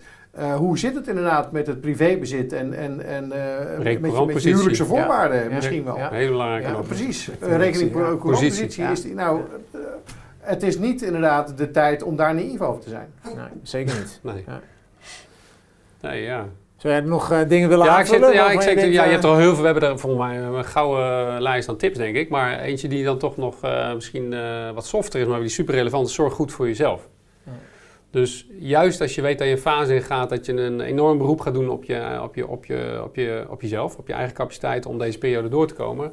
Dan zeg ik nu tegen heel veel ondernemers van, zorg dat je, ja, het klinkt heel suf, maar zorg dat je je slaap pakt, zorg dat je goed eet, zorg dat je nog je ontspanningsmomenten houdt. Sport. ja, zorg dat je een nieuw perspectief creëert, ontzettend belangrijk. Hè? Uh, ja, ik wil het toch nog even terug naar dat, naar dat fysiek, want ja. je zegt het slaap. Ja. Slaap is inderdaad ja, extreem zo belangrijk. Zo belangrijk. Maar het moment dat jij je, je alleen maar uh, in je kop je zorgen zit te maken over de ontslaggesprekken die je moet voeren en, en je maar je hele functioneren gaat natuurlijk. Ja. Uh, het is mijn redding geweest, heb ik altijd gezegd. Goed ik sliep slapen. altijd. Ik heb in alle omstandigheden, ook toen alles op het spel stond en ik echt niet het uitzicht had, sliep ik goed. Ja, er is geen verdienste, dat, werkt gewoon zo bij mij. Maar ik weet wel dat het me, me, gered heeft om gewoon op de been te blijven in die tijden. Ja. Um, ja, en ik denk dat je, ja, we hebben het al gezegd, eigenlijk manage your downside risk, maar dat omvat natuurlijk heel veel. Um, die heb jij van uh, Branson, ja. Ja, Branson. ja, echt, ja, ik heb Branson mogen ontmoeten ooit. Uh, breakfast meeting, uh, Big Improvement ja. Day, jaren terug. En die, nou, daar had ik een gesprek mee. En die, ik, toen zat ik toch wel op een high ook, hè, achteraf gezien. En het enige wat hij eigenlijk tegen mij zei, van, hij zoiets van, je, je hebt een mooi, mooie business, hou er zo, maar manage je downside risk. Zorg ervoor dat je die... Maar zei hij dat speciaal? Hij voelde dat gewoon. Hij zei dat Nou, hij- speciaal tegen jou? Of was het algemeen in de zaal? Allebei. Hij heeft Ja? allebei, ja. En dat komt omdat ik ben ervan overtuigd dat hij zo vaak meemaakt dat ondernemers die op, top, nou, op een toppen zitten, maar in ieder geval hè, eh, lekker gaan, zal ik maar even zeggen, Ja. daarna vaak ook een terugval krijgen. Of dat ze iets overkomt wat ze niet voorzien hebben. Ja. Zo'n en jij blinde zit zo in je roze bubbel dat je dat dan niet ziet. Ja. Want alles gaat al goed. Ja. Je hebt een contract voor 20 miljoen Ja, binnengehaald. je, je Ja. kan niet misgaan, joh. Dat kan gewoon niet. Dit, zus, zo. En hij, hij zei alleen- alleen dat. Dan denk ik, nou, ja, achteraf, ik heb het wel gehoord, maar niet echt doorgedrongen eh, voldoende. Maar hoe ga je dat dan zeggen dat het wel doordringt aan de mensen die Ah, nu kijken? Door de voorbeelden die we noemen. Dus daarom is jouw verhaal ook goud. Daarom is denk ik goed dat we dit soort verhalen steeds meer gaan delen. Dus super dat er ook weer podium voor is. Ook bij NL Groeit. Het, het, is, het is bizar om alleen maar de succesverhalen te delen. Dat is gewoon niet waar. Ja. Ondernemerschap is keihard werken, is op je bek gaan en weer opstaan. Nou, het staat hier ook. Dat is het. Dat is het echte verhaal. En daar komen heel veel successen uit voort, Ja. maar ook vaak niet. En het is heel waardevol om juist die lessen te delen met elkaar. Dus ja, wat dat betreft denk ik dat wij vandaag daar weer een steentje aan bijdragen. Wat ook gewoon hartstikke goed is. Ja. Als we dan toch kijken naar, die, eh, naar dat eh, vreselijke proces van de technische afwikkeling van een, eh, eh, van een faillissement. We hebben het erover Ja. gehad, over de curator en over de rechtercommissaris. Zouden we dat niet anders moeten organiseren in Nederland? Zou de overheid iets daaraan kunnen doen om dat eh, rechtvaardiger te maken? Dat zou wel fijn zijn als dat zou kunnen, ja. Want dat, vo- het voelt nu wel echt als ondernemer dat je echt aan je lot overgelaten bent. En inderdaad, als je nog eh, eh, je kan laten bijstaan, dan, dan doe je dat. Eh, maar ja, op een gegeven moment begint dat ook te wringen, inderdaad. Maar Eh, jullie zijn bona fide ondernemers, maar er zijn natuurlijk ook malafide Ja, ondernemers. Er zijn tuurlijk. ook mensen die er een rapportje van maken. En die dus mensen... de- maar dat is wel een verschil. Ja. Hè, dan moet het, Ja. het is niet helemaal duidelijk hoe dat verschil nou wordt gemaakt. En, Nee. en daarin is misschien wel de curator, eh, de rechter en de, en de executioner. Absoluut de- waar, ja, ja. ja. Er is een wet, faillissementswet, die is al heel oud. En er zitten instrumenten in. En die curator kan eigenlijk die instrumenten inzetten, case voor case zou je kunnen zeggen. Ja. Maar wel proportioneel zou ik bijvoorbeeld voorstellen. Hè? Dus eh, categoriseer op zijn minst wat je voor je neus krijgt. Hè? Of je met een Imtech te maken heeft met een eh fraudeproject in de Oekraïne. Of dat je een MKB-ondernemer hebt die gewoon in een bepaalde situatie Er, terecht is- er is wel een aanpassing gemaakt in de faillissementswet onlangs. Ergens, hè? Dat Ja. je niet meer door één persoon failliet Nee. verklaard kan worden of door twee personen, maar dat daar een, eh, Ja. wat meer een, een grace period eh, eh, tussen zit. Ja. Maar we hebben nog niet de aanpassing gezien Nee. dat eigenlijk de ernst of de, de zwaarte waarin jij als ondernemer wordt aangepakt, grotendeels afhankelijk is van de hoeveelheid geld die er nog in Ja, de boel zit. bijvoorbeeld. Ja. Ja, bijvoorbeeld ja. Maar ook de tijd bijvoorbeeld. Hè. We hebben surseance van betaling als fase. Dus daar wordt vaak helemaal niet... Ge... Dat is een vooraankondiging van het faillissement nu. Maar dat instrument is bijvoorbeeld nu best de komende tijd enorm geschikt om in te gaan zetten. eh, met de golf die op ons afkomt. Maar ook bijvoorbeeld eh, vroegtijdig met schuldeisers tot een akkoord kunnen komen. Om te voorkomen dat je in faillissementen gaat. Dus er zijn nog zoveel instrumenten die ervoor liggen voordat je, nou ja, laten we zeggen, het faillissement uitspreekt. Daar is nog heel veel te winnen. Even los van het feit dat ik vind dat eigenlijk de rol van de curator, eh, hè, daar kun je ook van afvragen, moet daar niet, laten we zeggen, een onafhankelijke partij nog tegenaan geplakt worden? Ja. Om die beoordeling van hoe ga je nou om met het dossier, om die beter te wegen. Ja. Want dat is, dat is nu gewoon, vind ik, een, eh, een, eh, hoe noem je dat, een, een weeffout in de wet. Ja. Ja. Nou, ik, ik ben het er met je eens. Ja. Ehm, maar ik begreep ook dat jij met een initiatief bezig was om ondernemers die nu al in zwaar weer zitten of dat gaan waarschijnlijk gaan komen, om Ja. die te ondersteunen, te helpen. Ja, klopt. Eh, mede door mijn eigen ervaring natuurlijk eh, heb ik eh, mezelf tot doel gesteld om van betekenis te zijn voor ondernemers, juist als het misgaat. Nou, toen ben ik gaan kijken wat is er in Nederland. Nou, er is, er is best wel wat, hè? maar er is één stichting die sprong daaruit. Dat was MKB Doorgaan. En die doet dat eigenlijk. Die doet vroegsignalering bij ondernemers. En dat is van financiële- Jacqueline Zuidweg toch ja, ook? ja, Jacqueline Zuidweg. Eh vroegsignalering van ondernemers die in zwaar weer terechtkomen. Nou, dat zijn er nu dus velen. En eh, nou, daar ben ik nu sinds een jaar bij aangesloten. Het mooie is dat daar nu een landelijk fonds achter eh, gezet wordt. eh, met een aantal partijen die zich daar hard voor hebben gemaakt. En de ambitie is om daar de komende jaren gewoon meerdere, ja, zeg maar, nou ja, duizenden ondernemers zich bij te staan. In dat wat wij hebben doorgemaakt eigenlijk. Ja. Om ze of zacht te laten landen, Maar hoe, of... ge- hoe geweldig is dit? Ja, dat is fantastisch. En ook jouw motivatie is mooi, Ja. omdat je natuurlijk zelf ook dat hebt meegemaakt. Ja. Dus, is, eh, kijk, eh, laat ik vooropstellen, niet alles is te voorkomen. Hè? Dus het gaat om ondernemers en bedrijven die levensvatbaar zijn en die dit meemaken, wat nu heel veel bedrijven meemaken. Maar, maar de hitratio is, hou je vast, 95%. 95% van de ondernemers die zich op tijd daar aanmeldt en gewoon het traject in gaat, die kan gewoon langs de afgrond, zou ik bijna willen zeggen, en door. Nou, het is, het is, het is wel mijn ambitie om dit, dit initiatief echt gewoon nog groter te maken eh, in Nederland. En gewoon persoonlijk leed, hè, zakelijk leed, maar ook behoud ondernemerschap en werkgelegenheid. Daarmee gewoon, eh, ja. Ja. Mooie En, het, en het stigma eraf halen. Ja, het, het, het, het stigma, ja. en het is zo vaak gezegd, eh, in Ja. Amerika ben je pas Ja. een ondernemer als je drie keer het hebt geprobeerd en failliet bent gegaan. En hier, eh, nou, het is beter dan vroeger. ja, ja, faillissement. ja, zeker. Twintig jaar geleden eh, was het helemaal een soort... outcast.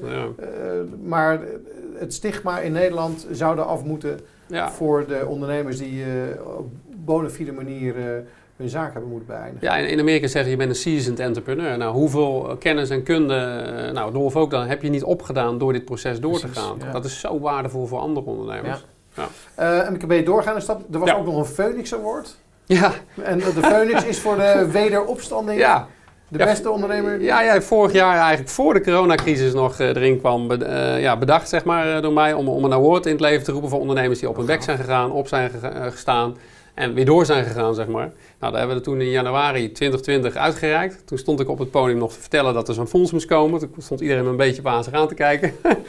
Maar goed, inmiddels snapt iedereen dat dat wel van belang is. En we willen die award weer in eh, januari 2021 opnieuw uitreiken. Eh. En wat mij betreft staat hier een eh, kandidaat. eh. dus, Nou, mooi. ja.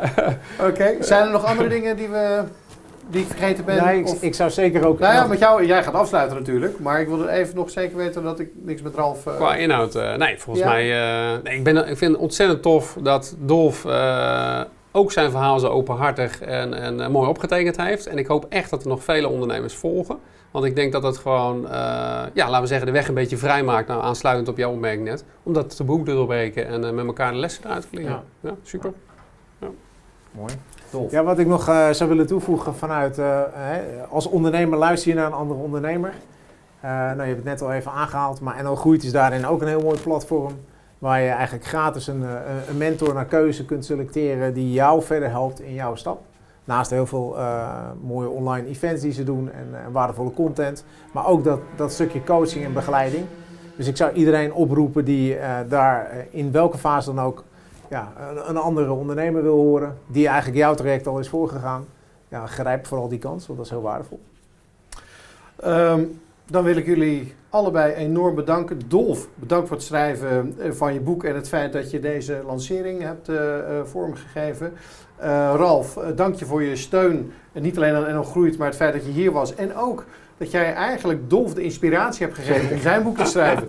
Zo is de cirkel eh, bijna, bijna rond. Ja. Ja. Eh, zo, zo helpen we elkaar. Ehm, dan aan de kijker. Ik heb het eh, al een paar keer genoemd. Ik heb hem eh, zelf eh, nu meerdere keren gelezen. Het is een aanrader. Eh, zelfs al kijk je niet uit naar een donkere toekomst, is het goed om dit te lezen.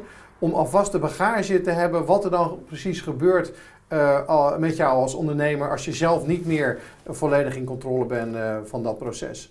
De oplossingen eh, die hebben we gehoord. Eh, deze uitzending hebben we zeven tips eh, geïdentificeerd. En daarbij nog eens een keer zeker tien tips, Dolf, die jij nog eens een keer kwam. Die hebben we mooi opgeschreven. Die zullen hieronder in het YouTube-filmpje komen met een tijdcode. Dan kan je het doorlezen. Maar vergeet niet, ehm, als je dit filmpje hebt gezien en je denkt van nou, ik ken een andere ondernemer die zou dit moeten zien. eh, deel deze link dan alsjeblieft, want wij ondernemers zijn er ook om elkaar te helpen. En met het doorsturen van dit linkje zou je heel veel mensen wellicht eh, kunnen helpen. Ik dank jullie eh, voor het kijken. Ik bedank nogmaals eh, Dolf en ik wens jullie veel leesplezier met het boek. Tot de volgende keer. Tijdens het interview hoorde je Dolf Kos over de Sales Marketing Group. Een collectief voor freelancers op het gebied van sales en marketing. Zo helpen we elkaar in opdrachten, sparren we met elkaar en organiseren we toffe events. Dit allemaal om te zorgen dat jij als freelancer je kan blijven ontwikkelen op zowel inhoudelijk als persoonlijk gebied en daarnaast je netwerk kan uitbreiden. Dit allemaal zorgt ervoor dat jij makkelijker opdrachten vindt. Wil je meer weten over wat we voor jou zouden kunnen betekenen? Stuur dan een mailtje naar info@salesmarketinggroup.nl. Fijne dag!